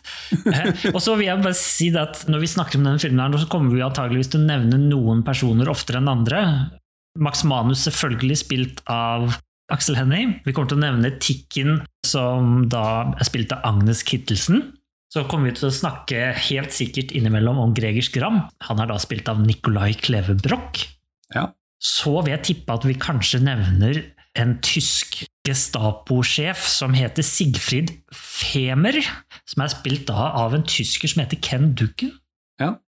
Gunnar Sønsteby er jo spilt av Knut Joner, det er, jeg tror det er sønnen til eh, Johannes Joner. Ja, Det er, det er flere kjente navn som er med, men, men det er sånne småroller som forsvinner litt ut og inn av, av filmen. altså Det er jo kun kjente navn i denne filmen. Ja. Sydnes, Pål Sverre Hagen, Petter Næss, Jakob Oftebro, Stig Henrik Hoff. Ikke sant? Altså, de er her. Men det er liksom disse personene vi da eh, det er kjernen. snakke om først og fremst. Det er kjernen, liksom. Ja. Selv om kanskje de andre hadde minst like viktige roller underveis i krigen. Men i selve filmen så spiller de litt annen fiolin for å bygge opp fortellingen, som for eksempel Kolbein, for eksempel. Ja, ja. Vi begynner jo å um, nærme oss slutten på den voiceoveren. Sånn, Mm. Man føler sånn, en sånn litt skuffet uh, Max, da, som føler at uh, man burde ha gjort mer, da, eller Norge burde ha gjort mer. og Det er jo derfor han blir uh, ja, med i den her motstandsbevegelsen, da, som etter hvert da blir, blir mer og mer dristig i oppdragene. Da. Og Det er jo flere som sier til Max at nå må du liksom begynne å ligge litt lavere, ikke bli oppdaga, fordi det kan jo gå utover hele nettverket deres. Ja, det er Gunnar Sønsteby som sier dette, Ja. først og fremst. ja. Ikke sant? Og, og blir én oppdaget, så er jo stor sjanse for at alle blir oppdaget. Så er det vel det at han havner vel eller han, Jo, nå kommer jeg til poenget mitt. Nå kommer jeg til poenget mitt. Det som jeg syns er egentlig eh, litt fint, fordi hele den her eh, introen den setter jo opp eh, mot slutten, så sier jeg ja, man må være forsiktig og ligge lavt og bla, bla, bla, og så blir han jo tatt. Absolutt. Det kommer rett etterpå at politiet eh, kommer til leiligheten hans. Det er vel sånn det er. Poenget blir gjort tydelig med at de har funnet ut hvem Max Manus er, og at han har drevet og sendt ut eh, flyveblader og greier, denne illegale avisa. Ja. Og så finner de også samtidig sprengstoff hjemme hos Max Manus. Ja, og vi får vel egentlig et lite hint tidligere i den her introen, hvor man ser eh, de henger opp disse her eh, traktatene eller plakatene på en vegg, og så ser man at det er en bil hvor politiet sitter i da, og holder øye Ja. med disse her, så det leder jo opp til hvor han Ja, han, løp, Han løper gjennom vinduet. Ja, og ut på gata og rett ned på bakken der, og så blir han egentlig bare Han blir rett og slett frakt, han blir frakta av tyskerne til sykehuset Ja. og politiet, fordi at de kan jo ikke gjøre noe annet. De kan ikke bruke han før han er frisk nok til å prate, ikke sant? Nei, og det er jo egentlig hans redning, da. Det er jo der den der sykehusscenen dukker opp med hun eh, sykepleieren. Det blir smuglet inn, da, det er det som skjer, det blir smuglet inn litt informasjon om at han kan flykte på en eller annen dag, Ja. eh, så skal de være klare i en bil. Og da sitter jo da Jens Christian Hauge der i bilen, og det samme gjør Gunnar Sønsteby. Og dette her er liksom, det er top of the pop, ikke sant? Altså det er, det er lederne, og de er klare for å hente denne Max Manus, som de ikke vil skal bli overgitt til tyskerne, fordi hvis de får Max Manus, da fuglene vet hva han kommer til å si, ikke sant? Ja. Jeg tror det er egentlig begge deler. De er jo redd for at han skal sprekke og avsløre motstandsbevegelsen, men på den annen side så er han også en veldig god ressurs i motstandsbevegelsen. De sier jo dette her i filmen også, at fordi det er jo to stykker som blir tatt. Mm. Max Manus ble tatt, og så var det jo han øh, Hva heter han andre? Kolbein? Kolbein, ja. Han blir jo også tatt. Og Kolbein jo sittende på Grini i tre år eller noe sånt Ja. av krigen. Ja. Og så sier Gunnar Sønsteby én ting er om vi mister Kolbein, en annen ting er hvis vi mister Manus. Og da går Jens Christian Hauge med på da, denne her redningsaksjonen som de skal da gjennomføre. Jeg syns den neste scenen er egentlig ganske kul, da, eller det er en ganske visuell god scene, fordi vi ser jo inne på sykehuset disse er to tyske soldater, og så. Hæ? Femer. Femer, ja, stemmer. Nettopp. De går jo da ut av scenen, og så ser man da kamera beveger seg liksom mot vinduet, og så ut på gaten og ned på gaten, og så følger man ruta til Max Manus i snøen da, og fotsporene. Helt til Skottland. Mm. Jeg syns det er en ganske snedig, fiffig scene, da, og du har den der musikken som er sånn veldig sånn lystig. Ah, nå har han klart å rømme, nå er han fri, nå er han eh, i Skottland. Ja, Men i den scenen så sier de nå kan han være i Sverige eller i England, for alt vi vet. sier Ja, de. ja, ja. Men, men det der er litt tull, fordi at eh, han er jo ikke i England i løpet av 20 minutter. Eller i løpet av 12 timer. Nei, er Altså, kanskje dette, ikke det. dette, her, dette her tar litt tid å få flytta på Max Manus under andre verdenskrig. Så alt det som skjer i denne filmen er jo fryktelig komprimert, og det virker å, altså det er overdramatisert ved at tidsperspektivet blir veldig trykket sammen. Ja da, det er klart. Og det er jo klart at selv om han gikk ned denne og fulgte snøen bortover og inn i bilen, og sånn, så er det ikke sånn at Skottland var der på andre siden bare sånn som et knips. Nei, han kunne sannsynligvis ikke rømme der i direkte luftlinje. Nei, ikke sant? Altså, det var sikkert ganske mye jobb å få han over til, må, til Skottland han måtte kanskje der. til og med til Sverige, og så til en eller annen rute, så det, som du sier, det tok sikkert lang tid. Ja, altså Jeg er litt usikker på hvilken rute han tok, men det er jo klart at han kom jo helt sikkert over med båt. Ja. Kan hende han dro til Ålesund eller Vestlandet. Ja, eller, ikke sant? Det er det jeg tenker òg, kanskje at han må ha kommet seg til Åndalsnes, muligens. altså Ja. noe sånt. Så det, det er en lang tur. Det er en lang tur i dag. Det er en enda lengre tur på 40-tallet. Da er på en måte første akt av filmen over. Altså vi, vi har på en måte blitt introdusert til alle de viktige Ja. karakterene.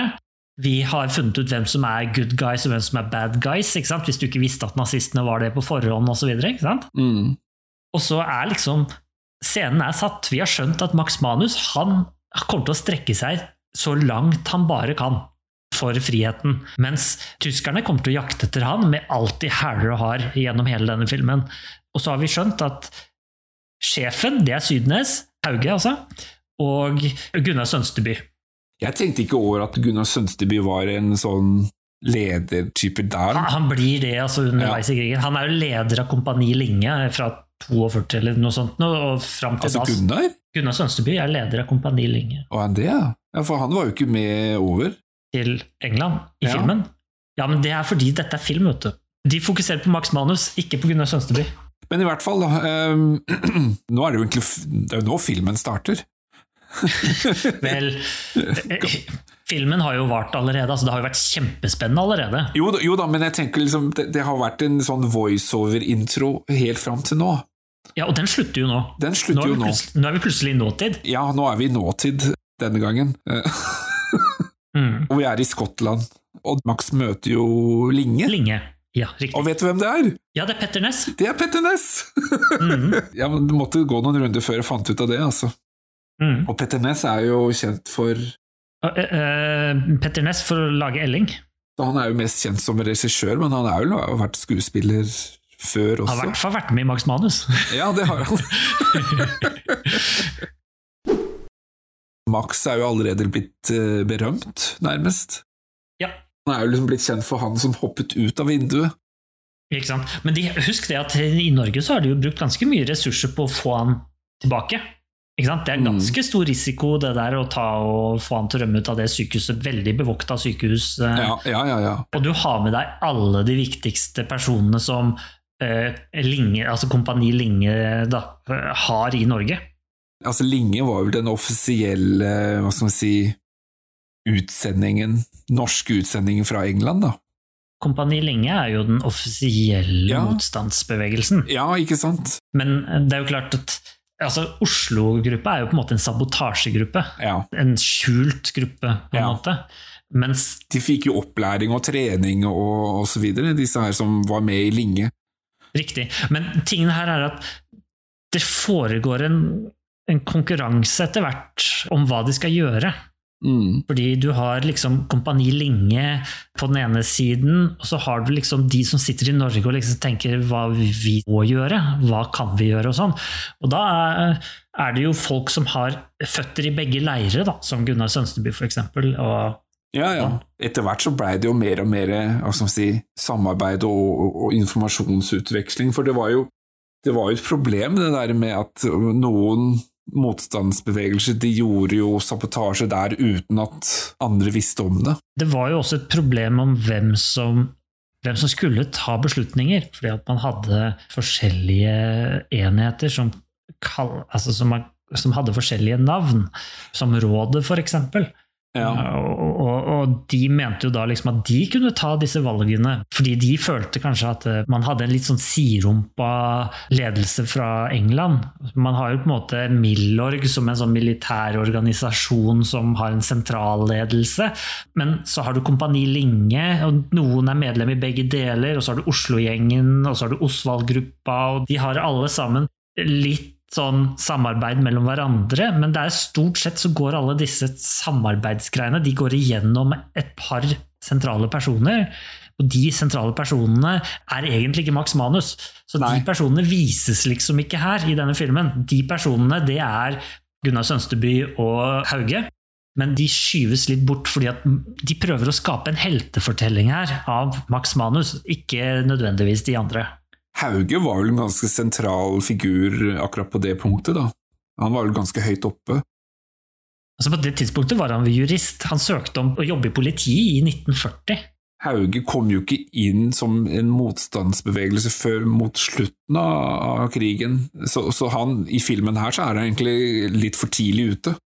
Men de må liksom lage en historie som henger litt i hop, da. Ja, men jeg lurer på om eh, det ramses opp med i hvert fall 30 forskjellige historiske mindre utfordringer med denne filmen. Ja. Så at det er jo noe. Du har kanskje noe på eh, blokken sånn i forhold til det, eller? Uh, jeg hadde tidligere i dag, Ja, okay. så jeg klarte å fjerne det. Når det gjelder Jens Christian Hauge, så sa du at han ikke kom med før ganske sent.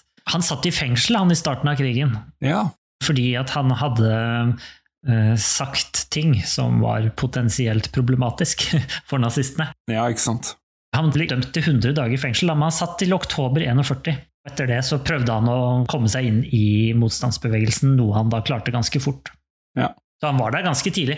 Husk at motstandsbevegelsen i Norge, altså selv om det fantes altså De samlet seg jo i, i 1940 og, og, sånn i Oslo-gjengen og sånn, men de store faktiske motstandsaksjonene og sånn, de skjer ikke før 43-44 egentlig, og da er vi langt ute i krigen. Altså, da begynte man å skjønne hvilken vei den krigen gikk også. Og det er klart at det tok litt tid å liksom få trent opp og sånn, sånn som vi skal se at foregår nå. Hele den der samlingen av de forskjellige, det ble aldri helt samla, men det var motstand fra ganske mange tusen mennesker. Vi snakker kanskje 40 000 mennesker var involvert i Milorg på en eller annen måte. Ja, ja.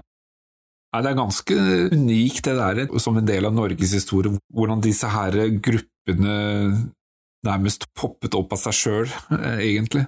Uten at noen sa at nå skal dere gjøre det. Altså, det var jo engasjerte ungdommer, eh, Det virker som alle ville det samme, men det poppet litt som opp litt her og der, da. Det som var tanken, da, var jo at man skulle med Kompani Linge lage en sånn spesialenhet som på en måte skulle være spesialsoldater inn i Norge. Og som ble styrt fra England, da. Som ble styrt fra England under, helst i starten under Linge da, og kongen i teorien, og gjennom britisk styring, med at de skulle være spesialagenter. Lingen var jo kanskje mer det organiserte Ja, storaksjoner var ja, gjennom ja, og Linge. liksom dere kalkulerte operasjonene, kan man si, da. Riktig. Men de også møtte jo en viss motstand i Norge ved at deres personer i Norge, som da Gunnar Sønsteby og da Hauge, de krever liksom av siste ordet. Mm. Ikke sant? Fordi at de vet hvordan situasjonen er i Norge med førstehåndskunnskap. ikke sant? Ja, ja, ja, ja. Eh, Det er de som går rundt i gatene og ser, det er de som snakker med folk, det er de som ser eh, utfordringene. Ja. Ja. Men, men skal vi hoppe litt videre? La oss gå videre, vi roter oss bort i detaljer her. Ja. Vi er jo i Skottland, og så er det jo sånn at Max Manus og Gram ble jo sendt tilbake igjen, ferdig opplært, til Oslo. Jeg lurer på en ting. Den første feste sånne Ja, tenk på første skipssabotasjen. Ja, altså er, Det er vel egentlig bare trening? Ja, de trener et sted, men, men, men det er jo ikke på tyske skip. Nei, ikke sant, det er det. Da sier jo da Max Manus Er ikke du lærer, da? Skal Jo, jo, stemmer det, liksom- men det er vel i Skottland, tenker jeg. Det er i Skottland, ikke sant? ja. Og så snakker vi da denne britiske sjefen. Som har tatt over etter Linge, da, fordi han døde. Ja. ja. Og da skal de jo ha det til at eh, Max Manus liksom overbeviser han om å sende med Gregers Gram. Ja, vi har jo vært så vidt litt innom det der med hva som er sant og ikke sant, men det går en historie på det der fordi disse båtene ble jo sprengt, og de lå jo i havna der og ble jo heist opp, og noen ble jo reparert og fikset, og fikk til og med navnet MS Max Manus. Og det har det vært mye kritikk av, fordi Max Manus var jo ikke med på denne aksjonen i det hele tatt. Tenker du på operasjon Maurdonius? Jeg vet ikke hva operasjonen het. Den i 1943? Mulig. Fordi han skal ha vært med der. Ja, men det er en del av de der eh, sabotasjeaksjonene i havnen som, eh, som er blitt utført, som er blitt kreditert feil folk. Men egentlig så var det en gruppe som heter Pellegruppen. De ville jo til og med sette opp en statue der av Max Manus. Det var en av disse her folka som var med i Pellegruppen som reagerte voldsomt, fordi eh, han mente jo at ja, hvorfor skal han få kreditt når han ikke har vært med på dem? Men, men at, at han har vært med på operasjoner, på andre operasjoner i Oslo og på Donau, det, det, det vet man jo. Altså Max Manus. Det er jo litt dumt da hvis han har kreditert mange aksjoner som han ikke har vært med på. Det, det var litt sånn kritikk rundt når, når Max Manus ble laget, fordi det ble så veldig mye fokus på karakteren eller personen Max Manus. Og jeg tror ikke det er bare av filmen der og da, men jeg tror dette her har vært en sånn der greie som har pågått sånn fram og tilbake i mange år. Hvor det er grupper i Oslo som kanskje ikke har fått den, eh, den krediten som de har fortjent, da. Den mest kjente er jo Osvald-gruppa, som ikke fikk offisiell anerkjennelse før Erna Solberg gjorde det. Ikke sant? Altså, og, og, Og det er litt rart òg. Erna Solberg som Høyre-statsminister anerkjente da kommunistinnsatsen. Jo, jo, jo, jo, jo altså, men man kan si de var kanskje kommunister, men de kjempet jo like fullt ut for et Norge, da. ja, det var det, da. Men de kjempet jo for Norge først når Sovjetunionen havna på norsk side i krigen. Ja, ikke sant. Og derfor kom de litt senere med. Uansett, de gjennomfører sin første sabotasjeaksjon, i hvert fall i filmen, Ja, som er av større setting. De fire karer som padler av gårde eh, mot båtene og setter på sånne det de kaller for limpets, som det er sprengladninger. ja det stemmer. Helt riktig. Men jeg har, jeg, jeg har en sånn liten sånn greie, fordi jeg syns den der scenen med den sabotasjeaksjonen som de ja, den, den er for så vidt helt grei og fin, og den er spennende, hvor de liksom paller ut og blir nesten oppdaget. Vidt unnslipper. Ja, så vidt unnslipper. um, Patruljebåten også kommer. Ja, altså flombelysningen og, og, og lyskasterne og sånn, ikke sant. Men Ja, ja. du nevnte i stad at dette her var, dette var sånn blått og kaldt og, og så videre, og det, det er jo for så vidt sikkert gjort med en hensikt, da, at det skal være Nå er det liksom mer alvor, og det er, det er ikke så rosenrødt lenger. Nei. Men jeg syns likevel at Det ser så unaturlig ut. Altså, det er liksom blått i blått, og det er Det ser ut som Olsenbanden.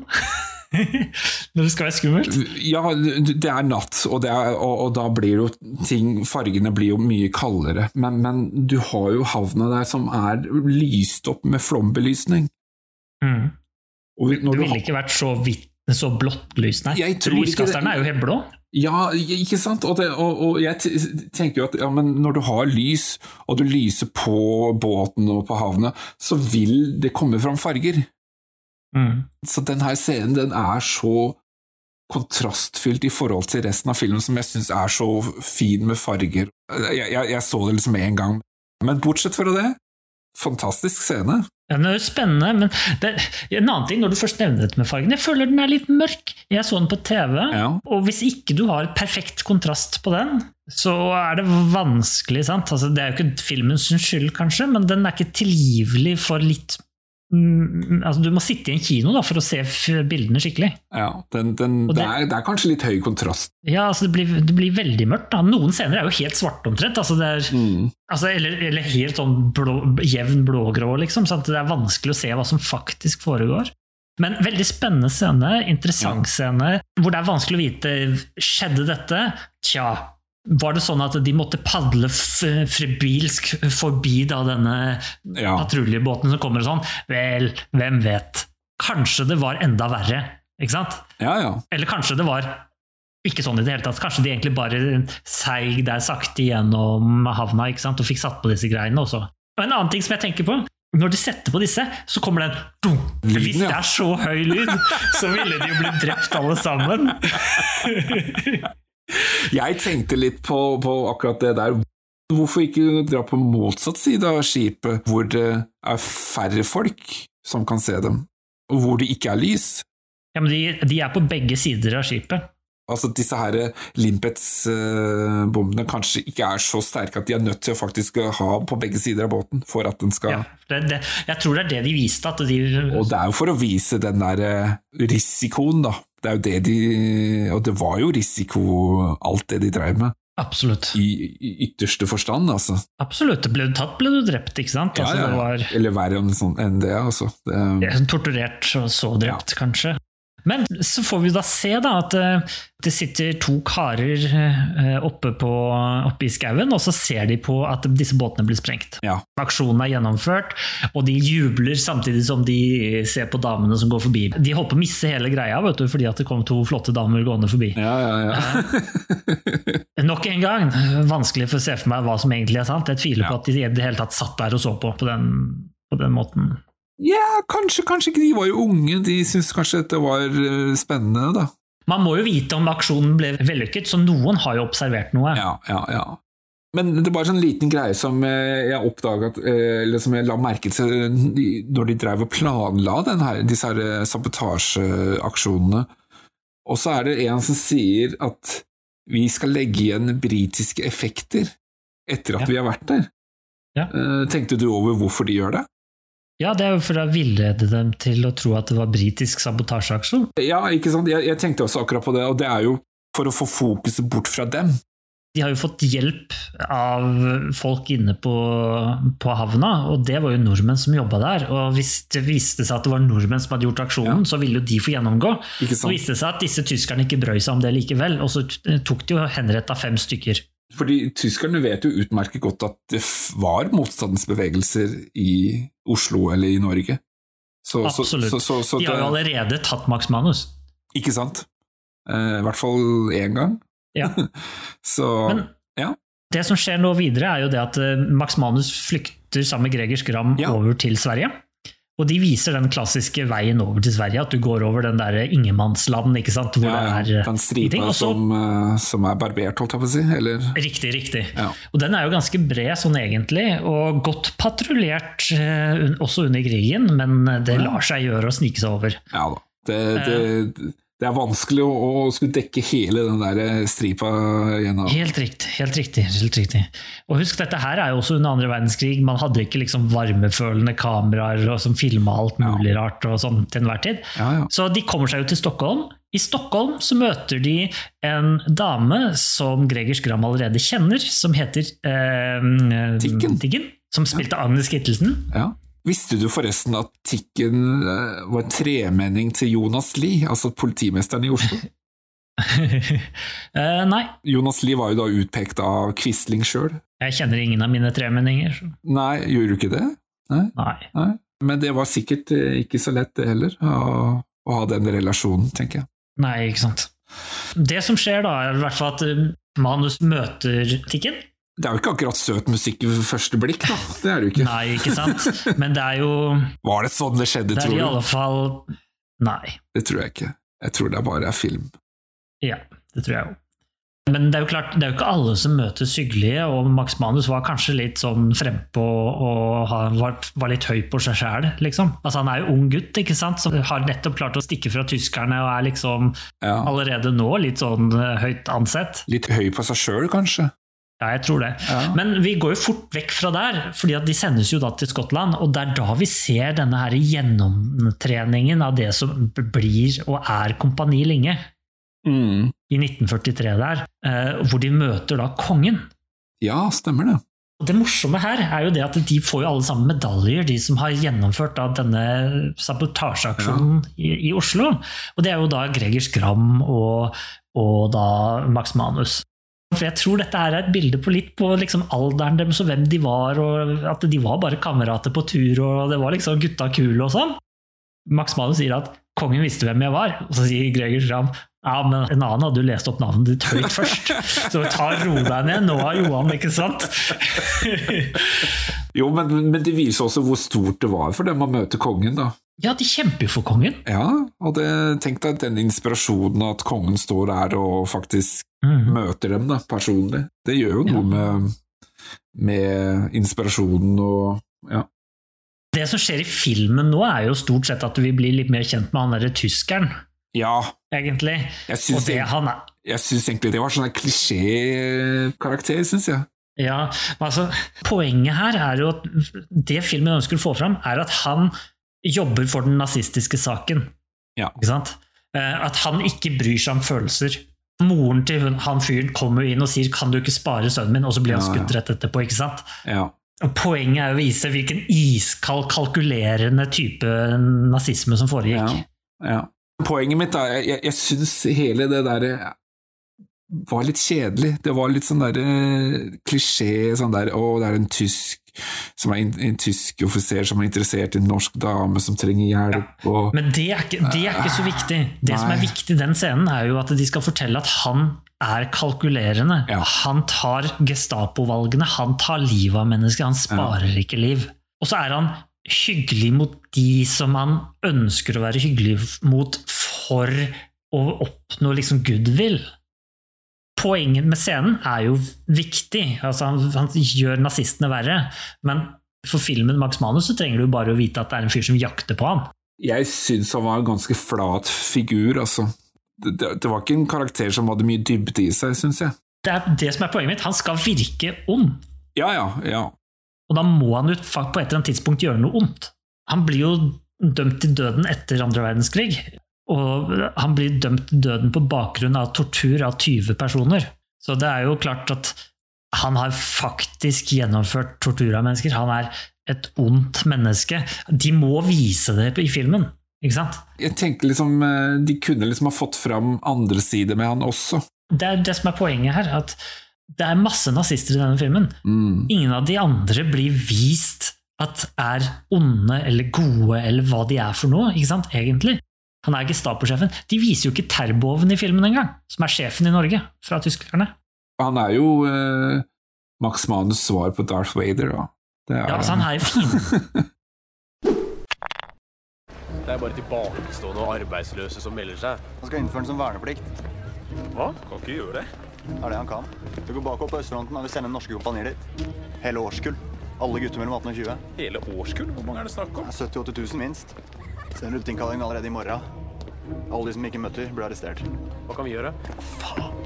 Hvem er det? Gestapo? Gunnar, hvem er det? Det er mora mi. Uansett, det foregår litt sånn tullescener etter hvert her, at eh, Gunnar Sønsteby eh, gjemmer seg fra mora si og sånn. Ja, der hvor de går på gata og møtes. Ja. Ja, jeg, sy jeg syns egentlig det var, var faktisk en artig eller kul scene, hvor vi tror at han liksom gjemmer seg for tyskerne, og sånn, så er det egentlig fra mora si. Eh, Fordi mora tror at han er i Sverige. Ja. Men, men, men, men Husk det, han er, hva, der er han kanskje 24. Ja, ikke sant, men, men jeg syns dette er egentlig er positivt for filmen også, fordi den, den gir en sånn balanse i historien, at det dreier seg ikke bare om krig og fordervelse, men, men det er også altså der, Her er det en periode som var fylt med angst og sorg, men den hadde jo også sine gleder.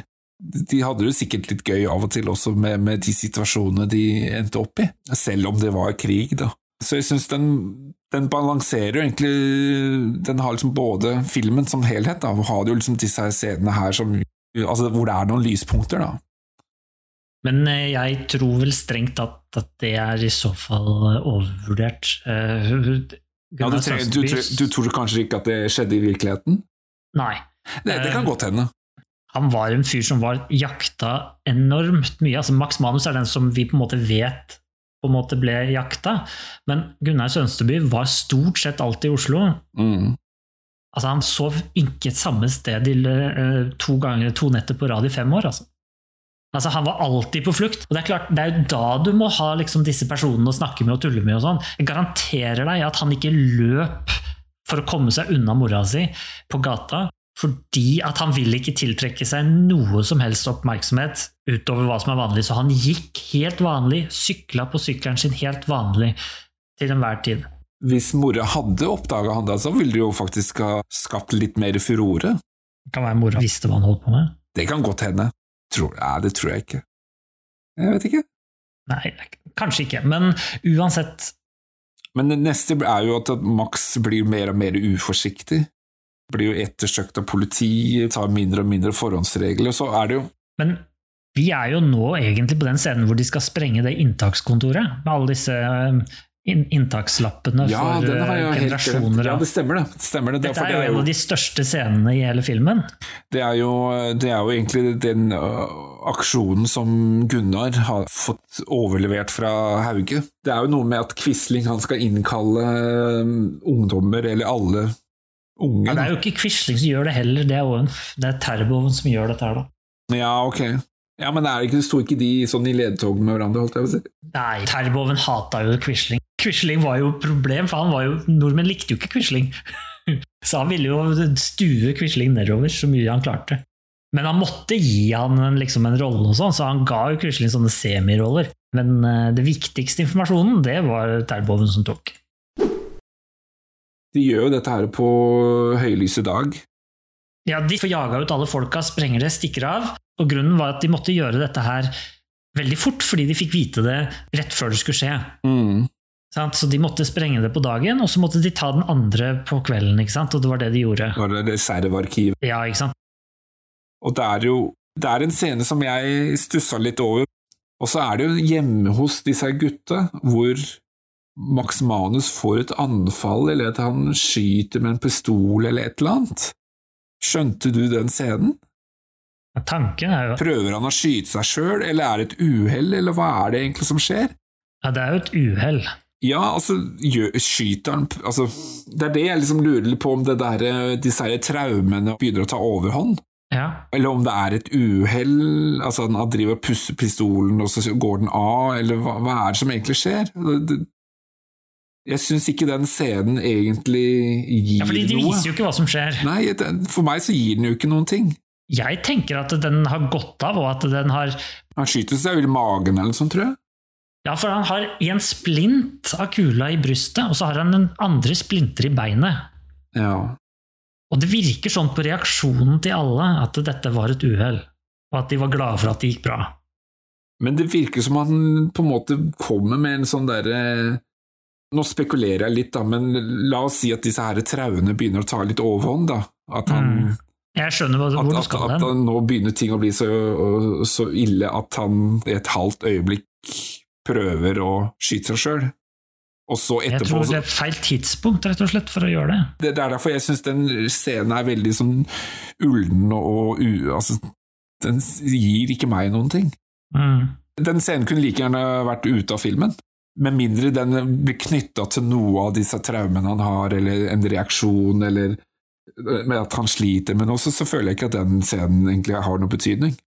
Jo, men det, grunnen til den scenen er jo Altså, den har én betydning, den scenen, og det er at Max Manus ikke skal være i den kafeen når Greger Skram blir skutt.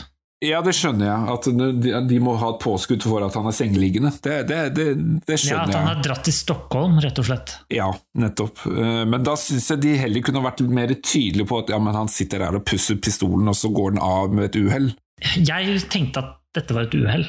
Det er veldig uforsiktig å drive og sitte og pusse på en pistol mens det er kuler i den, da. Men eh, nok en gang, dette var gutter som følte seg som kongen på haugen og udødelige, som gjorde mye rart som ikke nødvendigvis var helt bra. Altså, jeg vet ikke, men jeg har vært i Moss-området en gang. Og i Moss-området så er det en Milorg treningshule som de var gravd ut under bakken. Og der inne hadde de granatøvelser. Inne i hula. For at det ikke skulle høres så godt ut på utsiden. Se for deg hvordan det har vært der inne. Ja. Nei, altså, det, det, det, men dette blir jo bare spekulasjoner, men jeg skulle ønske at den der scenen var litt ble brukt på en annen måte, da. Ja, jeg syns det er helt ok. Ja. Fordi Ja, jeg, de- de- de jeg, jeg, jeg mener den forteller oss noe. Den, for, Den- den forteller oss årsaken til at Max Manus og Det- Greger Skram ikke kunne ha noe med hverandre å Ja, gjøre på dette tidspunktet. Det, det, det skjønner jeg, men, men, men de kunne ha brukt utnytta den scenen enda mer. Altså, de kunne faktisk ha brukt den til noe enda mer. Altså Mm. knytta den sammen til noe annet, og så blir han fortsatt sengeliggende. For det er jo resultatet av scenen. Eh, men eh, det var nok om det. Han, eh, han blir sengeliggende, han drar vel til Sverige? Bare en ting som jeg har oppdaga nå. Eh, Du vet, I den scenen hvor han blir skutt i halsen, som vi snakket om for litt siden, Ja. der så vises det jo som at Max Manus tar og skyter absolutt alle menneskene i verden. mens, mens i virkeligheten så var han egentlig aldri sikker på om han skjøt noen. Nei, ok. Han bare skøyt bakover og flykta, liksom. Han tok en Rambo, med andre ord. ja. Han blir sengeliggende, og det resulterer jo i at eh, de andre må jo gjøre disse her oppdragene uten han. Ja. Og, og det er jo på en måte egentlig litt sånn dramatisk, fordi Gram han dør jo. Ja, men dette her er jo en samtale de har med tyskerne, fordi at han, Gregers Gram og Tallaksen er det vel, som da snakker sammen med Gestapo. Ja, Altså Gestapo har utgitt seg for at den ene personen skal være en agent som ønsker å snakke tyster nordmennenes sak. Ja, ikke sant. Ikke sant? Så de tenker at her får vi mulig kontakt. Mm. I den så er det jo Gregers Gram som snakker. Ja. Det stemmer nok ikke. Tallaksen han hadde studert i Tyskland før, eh, før krigen. Ja. Mens Gregers Gram egentlig ikke kunne noe særlig tysk. Så det var antageligvis Tallaksen som gjorde snakkingen her. Men for fortellingen så er det jo viktigere å fortelle at Gregers Gram, Max Manus sin nære venn, dør. ikke sant? Det er han som fører tanken, det er han som startet avisa. Det er han som er liksom den nummer to. ikke sant? Så det er viktigere for historien. Eh, ikke nødvendigvis sant. Eh, men de blir jo drept. Og så får jo Max Manus høre dette her mens han er i Stockholm, av da Tikken som forteller dette her. Og da klikker det jo totalt. Og fra dette punktet så er jo Max Manus utilregnelig. Dette her eh, gjør at han får en, en, en skyldfølelse. Så han føler jo at det er egentlig hans skyld at de andre dør. Mm. Hadde han vært der, så ville kanskje ikke dette ha skjedd. Eh, Kan jeg liksom forestille meg at han tenker, da. Så, så jeg tror det er litt av dette her eh, at nå begynner det å rakne litt for eh, Max. Ja, også Tallaksen han tar jo livet sitt inn i fengselet der etter å ha gjennomgått masse tortur. Ja, stemmer det. Og det er jo en veldig sterk scene. Det er Mm. sjelden at man ser sånne scener, egentlig. Jeg bare, en ting jeg tenker på. Når han står og stirrer deg med sola i ansiktet, så ser han jo fryktelig skada ut pga. alle sår og torturer som skal gjennomgått, men han ser jo frisk ut! altså, fordi, fordi han er jo en skuespiller som har blitt sminka. Pga. lyset og sånn, så ser han ganske frisk ut. ja, du skal liksom se at håpet hans Han skjønner at nå må han ta livet sitt, ikke sant? Ja. Jeg sitter også og, og, og tenker litt på at dette her eh, forholdet mellom han og Tikken begynner å bli vanskelig og komplisert fra hans side, fordi han opplever jo at alle vennene hans rundt han dør jo, og han er kanskje redd for at han også skal miste henne, da. Ja, ikke sant. Men vi, vi vet jo ikke helt Nei, nei, men, men, men jeg tenker sånn det, det, det kunne kanskje være det han satt og tenkte på, da. Jeg føler liksom at Max Manus på dette tidspunktet er mer saken Det har jo oppstått søt musikk mellom dem. Jo da, jo da. Det er jo ikke liksom helt uten, utenfor rekkevidde, tenker jeg da. Er det nå den der togscenen kommer? Hvor han driver og skåler med han tyskeren. Ja, og, og, og dette her er jo ganske Det er jo nesten så han avslører eh, hele opplegget.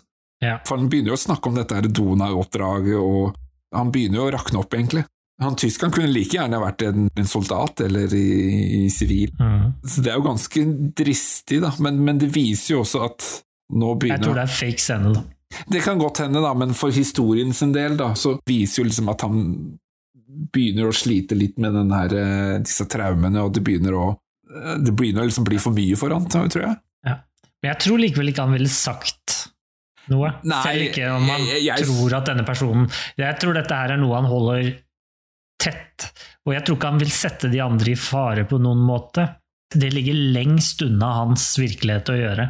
Så uansett om det klikker litt for han, så er det ikke det det første han vil gjøre. Men hvis han har slitt med både det ene og det andre i flere år nå, da, Ja, det er jo ikke usannsynlig at en sånn scene kunne oppstått. Men jeg tenker kanskje mer at han vil sette seg selv i fare, enn at han vil sette potensielt saken i fare. Men at han kunne finne på inne på det toget, liksom gå amok og ta fram håndgranaten og si han vil sprenge hele toget og sånn, det ser jeg ikke helt bort ifra. Jeg syns det er en fin scene, fordi det, det, det viser jo at Max Manus også er et menneske, altså at han har svakheter. Han sliter jo faktisk med, med traumer, og, og alle vennene hans forsvinner jo én etter én. Den setter jo opp en liksom viss spenning, ja, men blir han oppdaget? Eh, tar, tar disse her traumene overhånd etter hvert? Altså, Men det som er helt åpenbart, er jo at han har mista helt respekten for livet mm, på dette tidspunktet. fordi at når han kommer tilbake til Norge på denne togturen, så sier han jo at jeg skal sprenge Donau i filler helt aleine, helt til han kameraten tar og rister litt, ja, ja, ja, han skal gjøre det alene, ja. han. Ja, ja, ja. Ikke sant? Ja. Ja, han hadde tenkt å bare ta med seg sprengstoff og bare løpe ned på havna, han, ikke sant? Og ja, sette det i er gang. like før. Ja, ikke sant? Når han står der, så er det litt morsomt at på veggen så er det et bilde av Jesus. Ja, men det er jo kanskje det han ser seg selv som, da, som en, liksom, redningen da, til alle. At det er han som skal Nei, på det tidspunktet ser jo han på altså Der er det jo det motsatte, nesten. Altså, her er jo, det jo, nei, men altså, Han ser jo seg selv som at det er han som skal ofre seg Ja. for alle de Ja, andre. riktig. Riktig. Det gir mening. Parallellen, tenker jeg. Ja. Men det som skjer, er jo at de får litt vett inn i skallen på Max Manus her på dette tidspunktet, og de bestemmer seg for å gjennomføre denne aksjonen mot Donau, og de skal prøve å komme levende fra dette her. Og på dette tidspunktet så har de også fått med seg en ny karakter for vår fortelling, virket det som. Pål Sverre Hagen. Ja, men Max Manus, eh, det er jo faktisk en scene hvor han skriker ut inn i leiligheten. Hvorfor er det så mange nye folk her? Se, kom dere vekk. Ja. Det er jo tydelig at det kommer nye folk inn hele tiden. Da. Husk at dette tidspunktet her er 1945. Ja, ikke sant? Det er rett mot slutten. Ja, ikke sant? Det her vil sikkert absolutt alle eh, delta. Ikke sant? Alle vil få navnet sitt skrevet med gull i historien. Og det som eh, også kommer litt fram i, i filmen og samtalen, det er jo at det som er viktig i de aksjonene nå, det var jo faktisk å holde tyskerne i Norge. Mhm. Dette er jo som vi sier, dette er mot slutten av krigen, og nå begynner jo Tyskland å bli desperate. Ikke sant? Så de, de driver og sprenger toglinjer og alt mulig rart. De flytter jo alt det de har av ressurser ned til eh, Er det i Frankrike? Er det ikke det der det begynner å Ja, D-dagen og alt dette her? Det er jo der de vil at alle D-dagen har jo vært et halvt år, over et halvt år tidligere enn dette her. Så, men, oh, ja, okay. det, men det er liksom i områdene mellom Frankrike og Tyskland. Det er jo det de egentlig prøver å forhindre med at de, alle disse soldatene og ressursene at de faktisk blir sendt sørover. Ja. Og det var faktisk mer viktig å, å forhindre den der tyske krigsmaskinen enn å, å, å sprenge dem i filler. ja. Men dette er jo åpenbart en britisk idé. Ok? For det er britene som har krevd at de må gjøre dette her. Og så tenkte jeg kanskje at den viktigste stoppet måtte jo være å få stoppa den båten som driver frakter 1500 karer og massevis av Mm. våpen og dyr og hester og alt mulig rart som var på den båten. Så de kommer seg inn, får gjennomført, satt på disse lim limpetsene, kommer seg ut igjen, og så krasjer han ene duden i han eh, Gestapo-sjefen. Femer, er det han heter? Femer, ja. Og det er jo en helt fiktiv eh, hendelse, det skjedde ikke i virkeligheten. De kom seg helt eh, greit fram og tilbake. Dette er bare for fortellingen. Har han der Femer, har han sett Er det der Kolbein han eh, møter på, er det ikke det? Nei, det er jo ikke Kolbein, han er jo Jo, det er Kolbein. Men, men har, har han, tyskeren, har han sett han før? Fordi det, det er jo som om han står der og 'Å, har jeg sett deg før? Kjenner jeg deg?' liksom. Har, har, de egentlig møtt hverandre i filmen, mener jeg? Jeg husker ikke det. Det kan godt være at de har gjort òg. Jeg kan bare ikke huske at, de, de, at jeg har sett at de har møtt hverandre. Nei, men, ikke eh, heller. Men eh, akkurat det her med den her Donau-aksjonen, da. Jeg fant et klipp på NRK, hadde en artikkel eh, hvor faktisk eh, Max Manus selv forteller om denne episoden hvor de tok seg inn på havna og, og satte disse her bommene på, så det, jeg skal legge en link i, i shownotes. Episodenotatene, ja. Eh, På grunn av at skipet var litt forsinka, så kom det jo ikke helt ut i, på åpent hav, sånn som var tanken når det ble Nei, sprengt. Det går jo ned på grunna utafor Drøbak, sånn at de klarte jo å få en hel del mennesker og utstyr tilbake, men målet var jo likevel ikke at eh, man skulle ta livet av alle sammen, egentlig. Målet var jo å forhindre flere å komme ut av Norge. Flytte tropper Ja. og fjerne båten som skulle fortsette å gjøre dette her i lang tid. Så de lykkes jo med det, da. For øvrig, når man ser den der eh, scenen med Donau hvor baugen den står opp av vannet, det ser ganske surrealistisk ut, altså. Men jeg, har sett på bilder, eh, og det, var faktisk sånn det så ut. Ja, det så sånn ut, jeg er helt enig. Ja, det skal sies at faktisk så er det det bildet som kanskje du også har sett, det er bildet fra 1952 med han Max Manus på stedet, når de hevet skipet på vei opp igjen. Men det er en fin detalj. ja. Tyskerne tenker nå skal vi ta en siste hevn, og de sier at nå skal vi få tak i absolutt alle motstandsarbeidere, finne adresser, Ja. gjøre alt. Og det er jo det som òg skjer, at helt mot slutten av krigen så er det faktisk en tysk storinnsats, altså dette er jo faktisk sant, eh, hvor, hvor tyskerne får faktisk fatt i en hel del av motstandsarbeiderne, og mange av de blir, altså noen av de må bøte med livet, og mange havner jo da i fengsel og tilsvarende. Mens eh, Gunnar Sønsteby, Max Manus, unnslipper, og da hopper også filmen videre. Og da hopper den til slutten, egentlig. Det er vel egentlig der hvor eh, krigen er egentlig over, og han trasker vel egentlig hjem eller til dette her eh, leiligheten. Ja. Han møter vel han Er det, er det Kolbein? I trappen? Så blir vel Max igjen i leiligheten. Han går vel opp. ja, nei, det er Gunnar Sønsteby, tror jeg. Nei, det var ikke Gunnar. Å ja! Jo, jo, Kolbein, ja. ja, riktig. Så det ender jo med at Max han går opp i leiligheten og sitter der aleine. Jeg syns dette her er egentlig kanskje en av de fineste scenene. Ok. Ja. Altså, før dette, som du kommer til å snakke om nå, så møter han jo sin erkefiende, tyskeren, Ja. i fengselet. Det er faktisk sant. I en fengselsscene der, hvor han da snakker med Fermer. Fermer, og det er helt sant. Ja. Max Manus og Gunnar Sønsteby tok begge to og pratet med han i fengsel. Helt riktig. Eh, Jeg syns scenen var litt sånn der eh, Hollywood-aktig, men eh, Men er ikke det litt det vi har sagt at denne filmen skulle være? Safe, prøve å få, få masse folk til å komme og se på, være litt teatralsk, være, være litt enkel. Men da ender vi med den siste scenen som jeg syns egentlig er ganske fin, da. Altså hvor han, han setter seg opp i leiligheten aleine.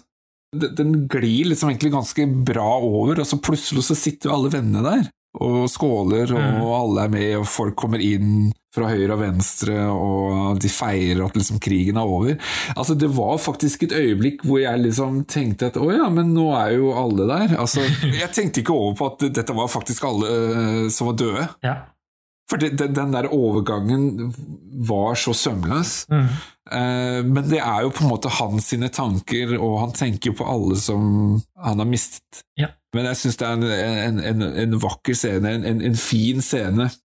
Altså Der sitter han jo plutselig aleine igjen, da, og da er det Tikken som kommer inn. Ja. Og da kommer jo dette fram med at han har jo kjempet for Norge, men hva har han egentlig vunnet? Han har mistet alt det han er glad i. Dette er jo litt paradoks, ikke sant? Men dette her er jo hans opplevelser, fordi at i utgangspunktet så skulle han jo kjempe for Norge. Hva var målet? Det var å jage tyskerne ut, ikke sant? Det er jo svaret på det spørsmålet han stiller på slutten. Hvorfor har jeg gjort dette her? Det var jo for å bli kvitt tyskerne, ikke sant?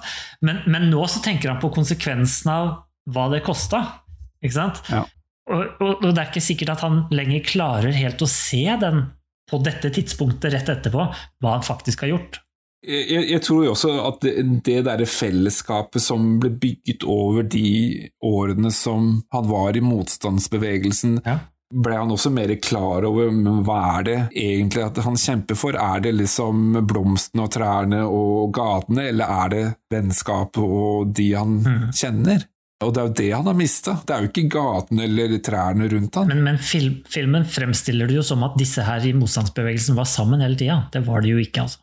Det var nok eh, mer tilfeldig hvem du satt og var sammen med, og hvis du i det hele tatt hadde noen å være sammen med. Fordi at du skjulte deg jo. Men det var nok noen bånd som ble knytta der i de årene, da. Altså, selv om de kanskje ikke satt i samme sofaen alltid, så, så de var jo på aksjoner sammen. De kjente jo hverandre. Absolutt. Men Ja, ikke sant? Men poenget er jo at denne scenen foregår vel Dette skal vel være 8. mai? Nei, det skal det ikke, fordi at Tikken sier eh, Gunnar har ikke sett deg på flere uker.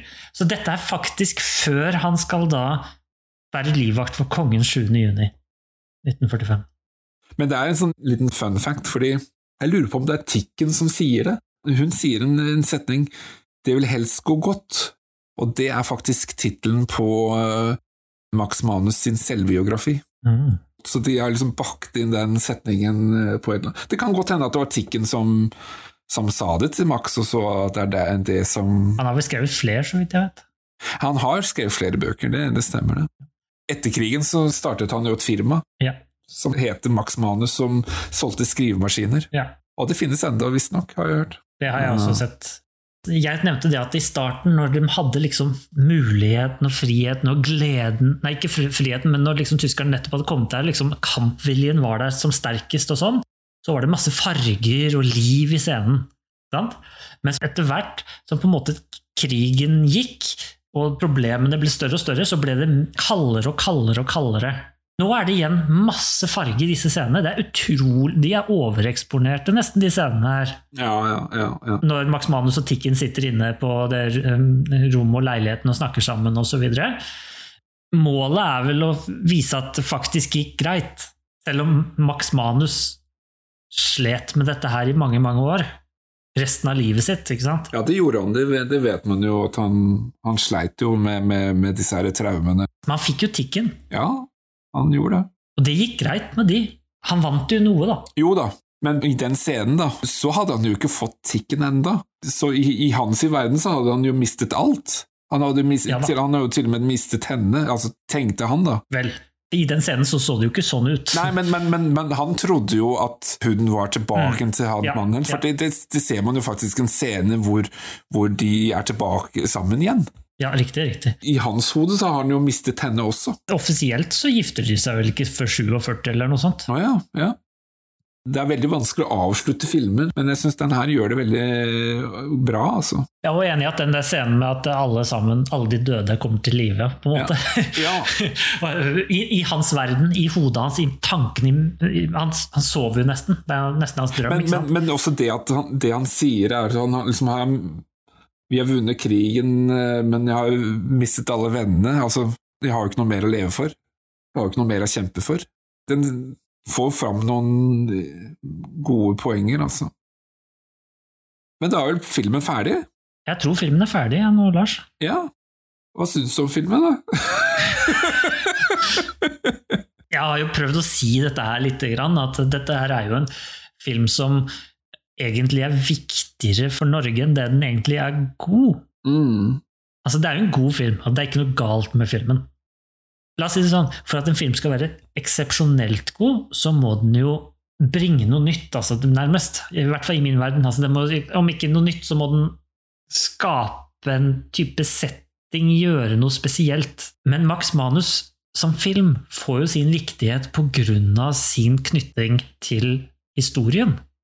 Og Max Manus som mytisk figur, nærmest, i Norge.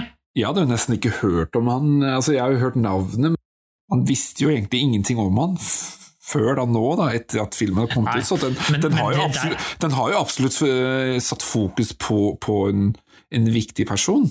filmen Max Manus er lettere tilgjengelig for folk enn å ta åpne bøker og lese de og fortelle de, eller snakke med noen som opplevde det, eh, krigen. Altså, nå er, begynner jo det å bli for seint, dessverre, men, men de, den gangen, som f.eks. Du, du gikk på videregående, og jeg, og jeg gikk på videregående eller ungdomsskolen, og tilsvarende som denne filmen kom, så var det fremdeles muligheter å snakke med Gunnar Sønsteby. Det er sprøtt å tenke på, egentlig.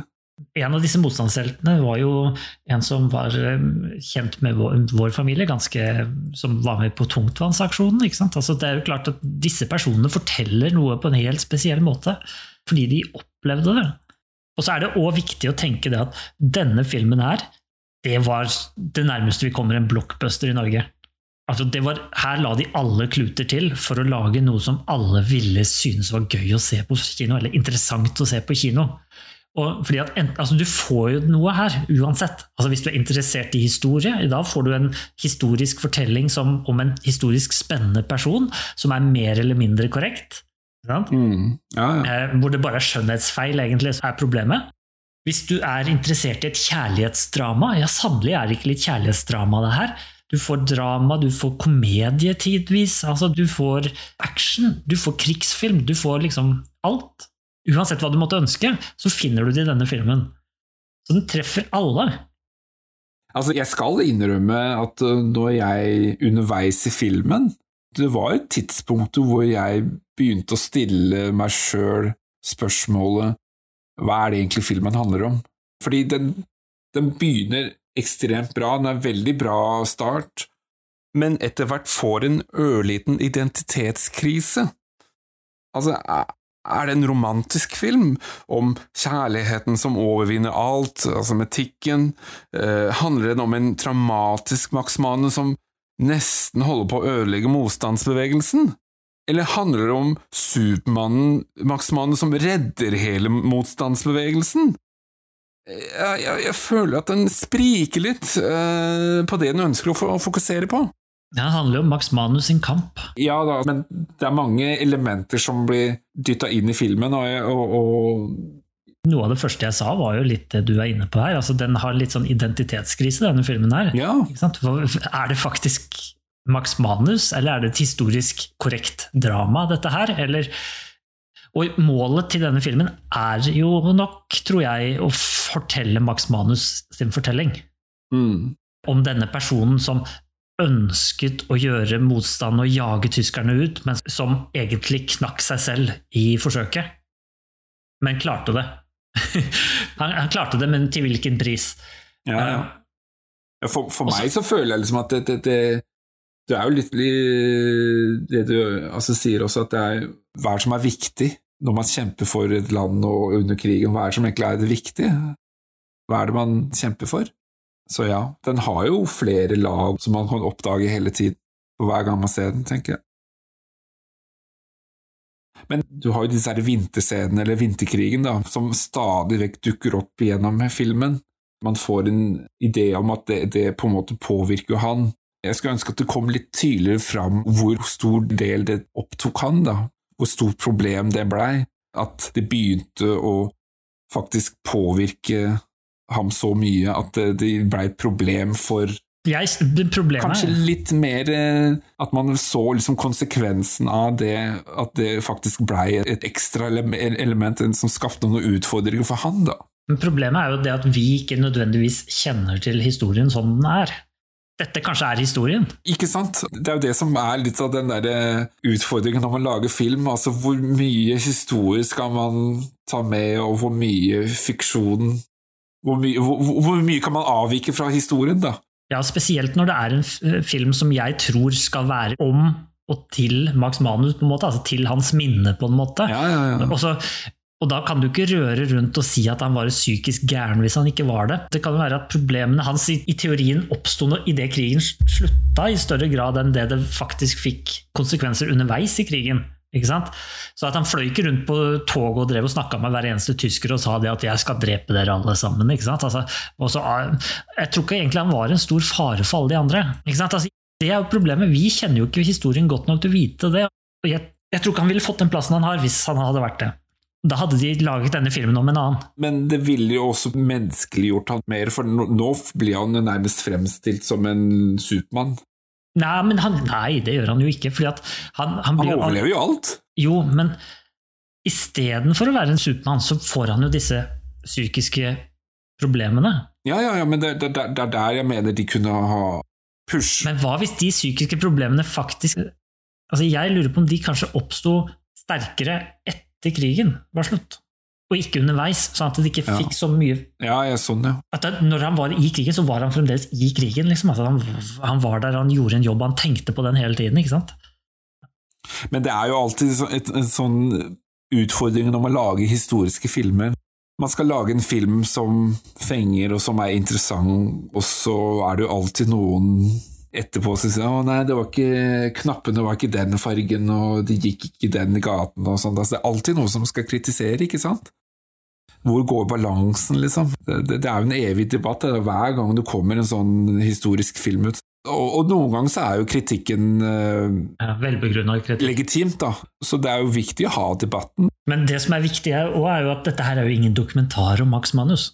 Nei, det er det jeg mener, at man, man, så lenge man på en måte holder seg til Fiksjon, at man sier at det er fiksjon. Selv om han kanskje gjør ting som han ikke gjorde i virkeligheten, så er det fortsatt innafor det han kunne ha gjort. Da. Det, det er ikke utenfor hans karakter. Det syns jeg er mer viktig enn at ting skal være på bokstaven, altså.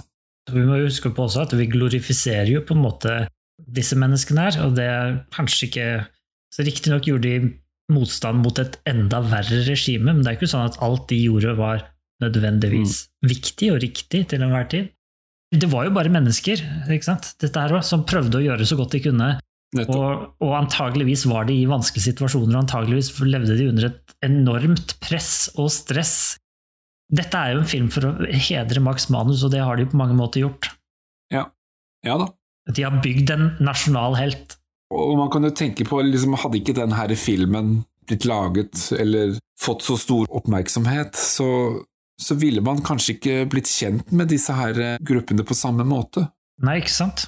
Ja, først og fremst er det jo en film om Max Manus osv., men, men det er jo også en, en film om hva som skjedde i Oslo på den tiden. Ja, ikke sant? Blant annet. Om alle de andre også, selv om det er mindre har mindre skjermtid osv. Så, videre. så så mener jeg fortsatt at den, den, den setter jo et fokus på hva som skjedde der.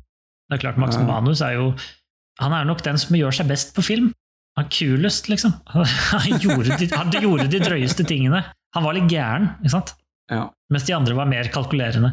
Jeg skulle gjerne ha sett filmer om, uh, flere filmer om den perioden også, da, hvor de andre karakterene kom mer frem. Da. Gunnar Sønsteby kanskje, Mm. Gerhard Gram, eller mange av de andre også, slik at man får litt mer balanse. For alene så er det veldig mye fokus på Max Manus i denne filmen, naturlig nok. Ja, det er jo fordi det er en film om Max Manus. Ja, ja, men for å balansere det ut, så skulle jeg gjerne likt å ha sett flere filmer. Ja, men det er jo, som sagt, dette her er enormt mange mennesker dette er snakk om. Max Manus er jo en av de høyest dekorerte menneskene i norsk historie.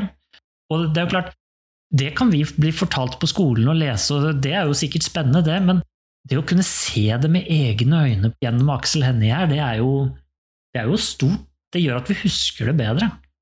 Alltid bra å se, høre og lytte. Altså, at du klarer å lese noe og se noe, eller lytte på noe samtidig, det gjør at du får det inn med flere sanser. Alltid bra.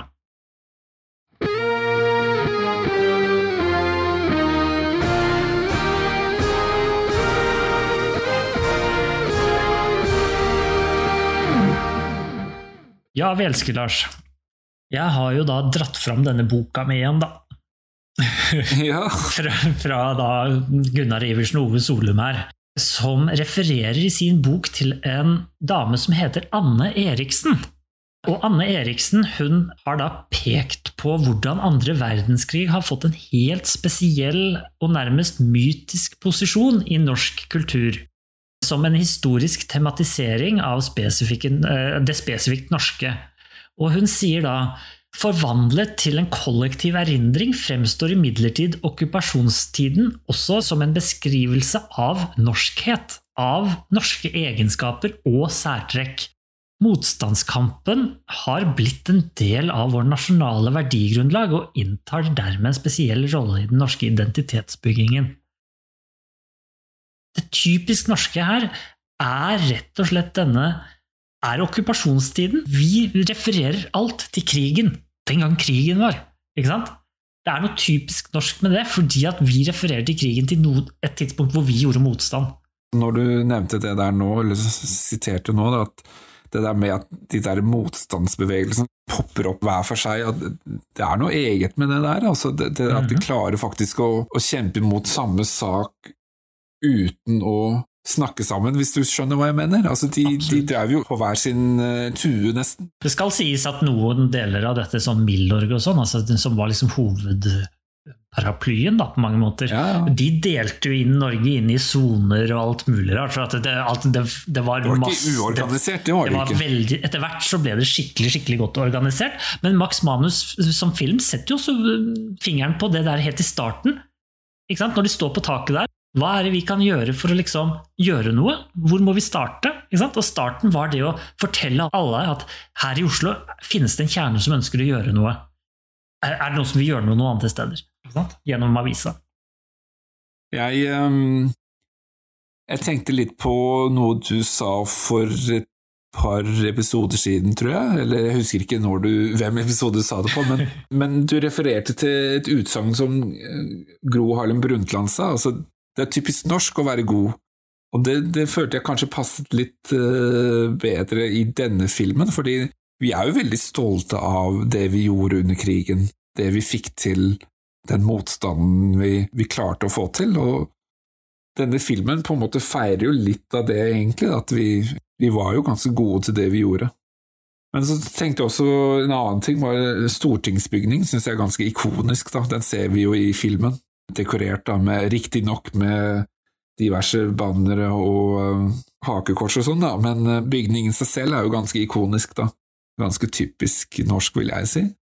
Alle kjenner den formen på den bygningen. Absolutt. Du snakket jo om arkitektur nå, typisk norsk, fordi at den står jo der fremdeles. Den har stått der siden 1866. Det er egentlig utrolig hvor gammel den er. Ja, Men Stortinget er jo svensk. Ja, den er den Det er for så vidt også rådhuset i Oslo. Er det det? Han heter Paulsen, Paulsson eller noe sånt, tror jeg han het. Jeg mener, jeg mener arkitekten eh, til Slott og, og universitetsbygget er jo den samme, men eh, jeg mener han var dansk. Var han det? Jeg mener det var svenske. Men... Det kan godt hende. Så det er mye, mye skandinavisk i Norge. Det er det. Ja, ja, ja. Neste film, Lars. ja! Du har kommet med noe informasjon her om 90-tallet og kvinnelige regissører Ja. og greier. Jeg skal eh, Jeg kan si at eh, regissøren er I- Iva, sier jeg. Regissøren er Eva Isaksen. Hun har jeg i hvert fall hørt om. Ja, og filmen kom ut i 1990. Og historien er basert på en bok av Ingvar Ambjørnsen. Ja, jeg tenkte på den eh, faktisk som eh, ungdomsfilm. Når, når, du, når du sa ungdomsfilm, så tenkte jeg på denne med en gang. Ja. Døden på Oslo S. Døden på Oslo S skal vi snakke om. Ja, Det blir bra. Den har jeg aldri sett. Å, har du ikke det? Nei, jeg har ikke det, så jeg har jo hørt masse om den, da, og det er jo ikonisk film, da. Den har jeg sett tidligere, men det begynner å bli mange år siden, så det er på tide å se den igjen. Ja, ja, ja. Ja. Det handler jo da om Pelle og Proffen. Ja. Jeg gleder meg egentlig veldig, veldig til å se den, for det, det er jo en film som Jeg vil si at alle har hørt om den.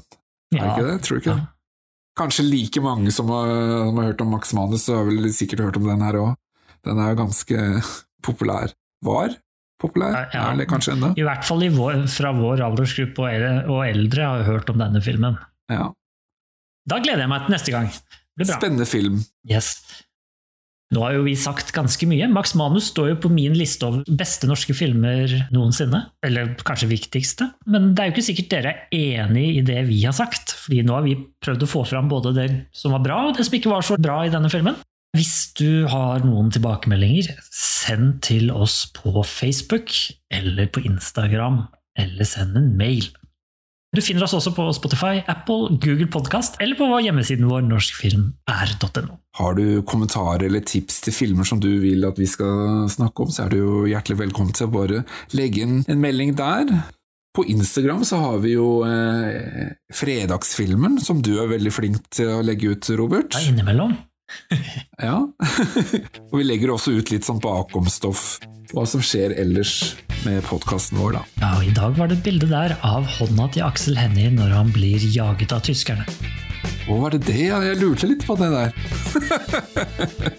Nei, men da er det jo bare å si uh, på gjensyn, På gjensyn. og ha det bra. Bye, bye.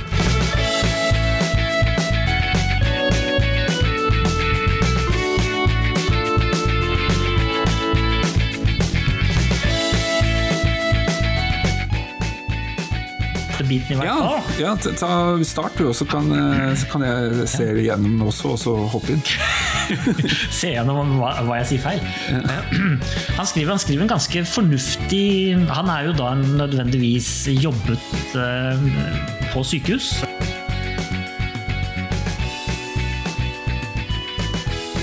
La oss starte, Thomas. Thomas? Jeg heter fortsatt Lars. La oss Vent litt, da. La oss La oss starte, Lars, med filmen Max Manus. Det er en film av um, Det er jo Hva med Vennerød, er det ikke det? Som har laget denne filmen? Er det ikke det? Nei, Er det ikke de som har produsert den? Eller er det jeg som har bomma helt nå? Han heter det? Harald eh, Orvik? Da har ikke de noe med den å gjøre, da. Uh, tydeligvis.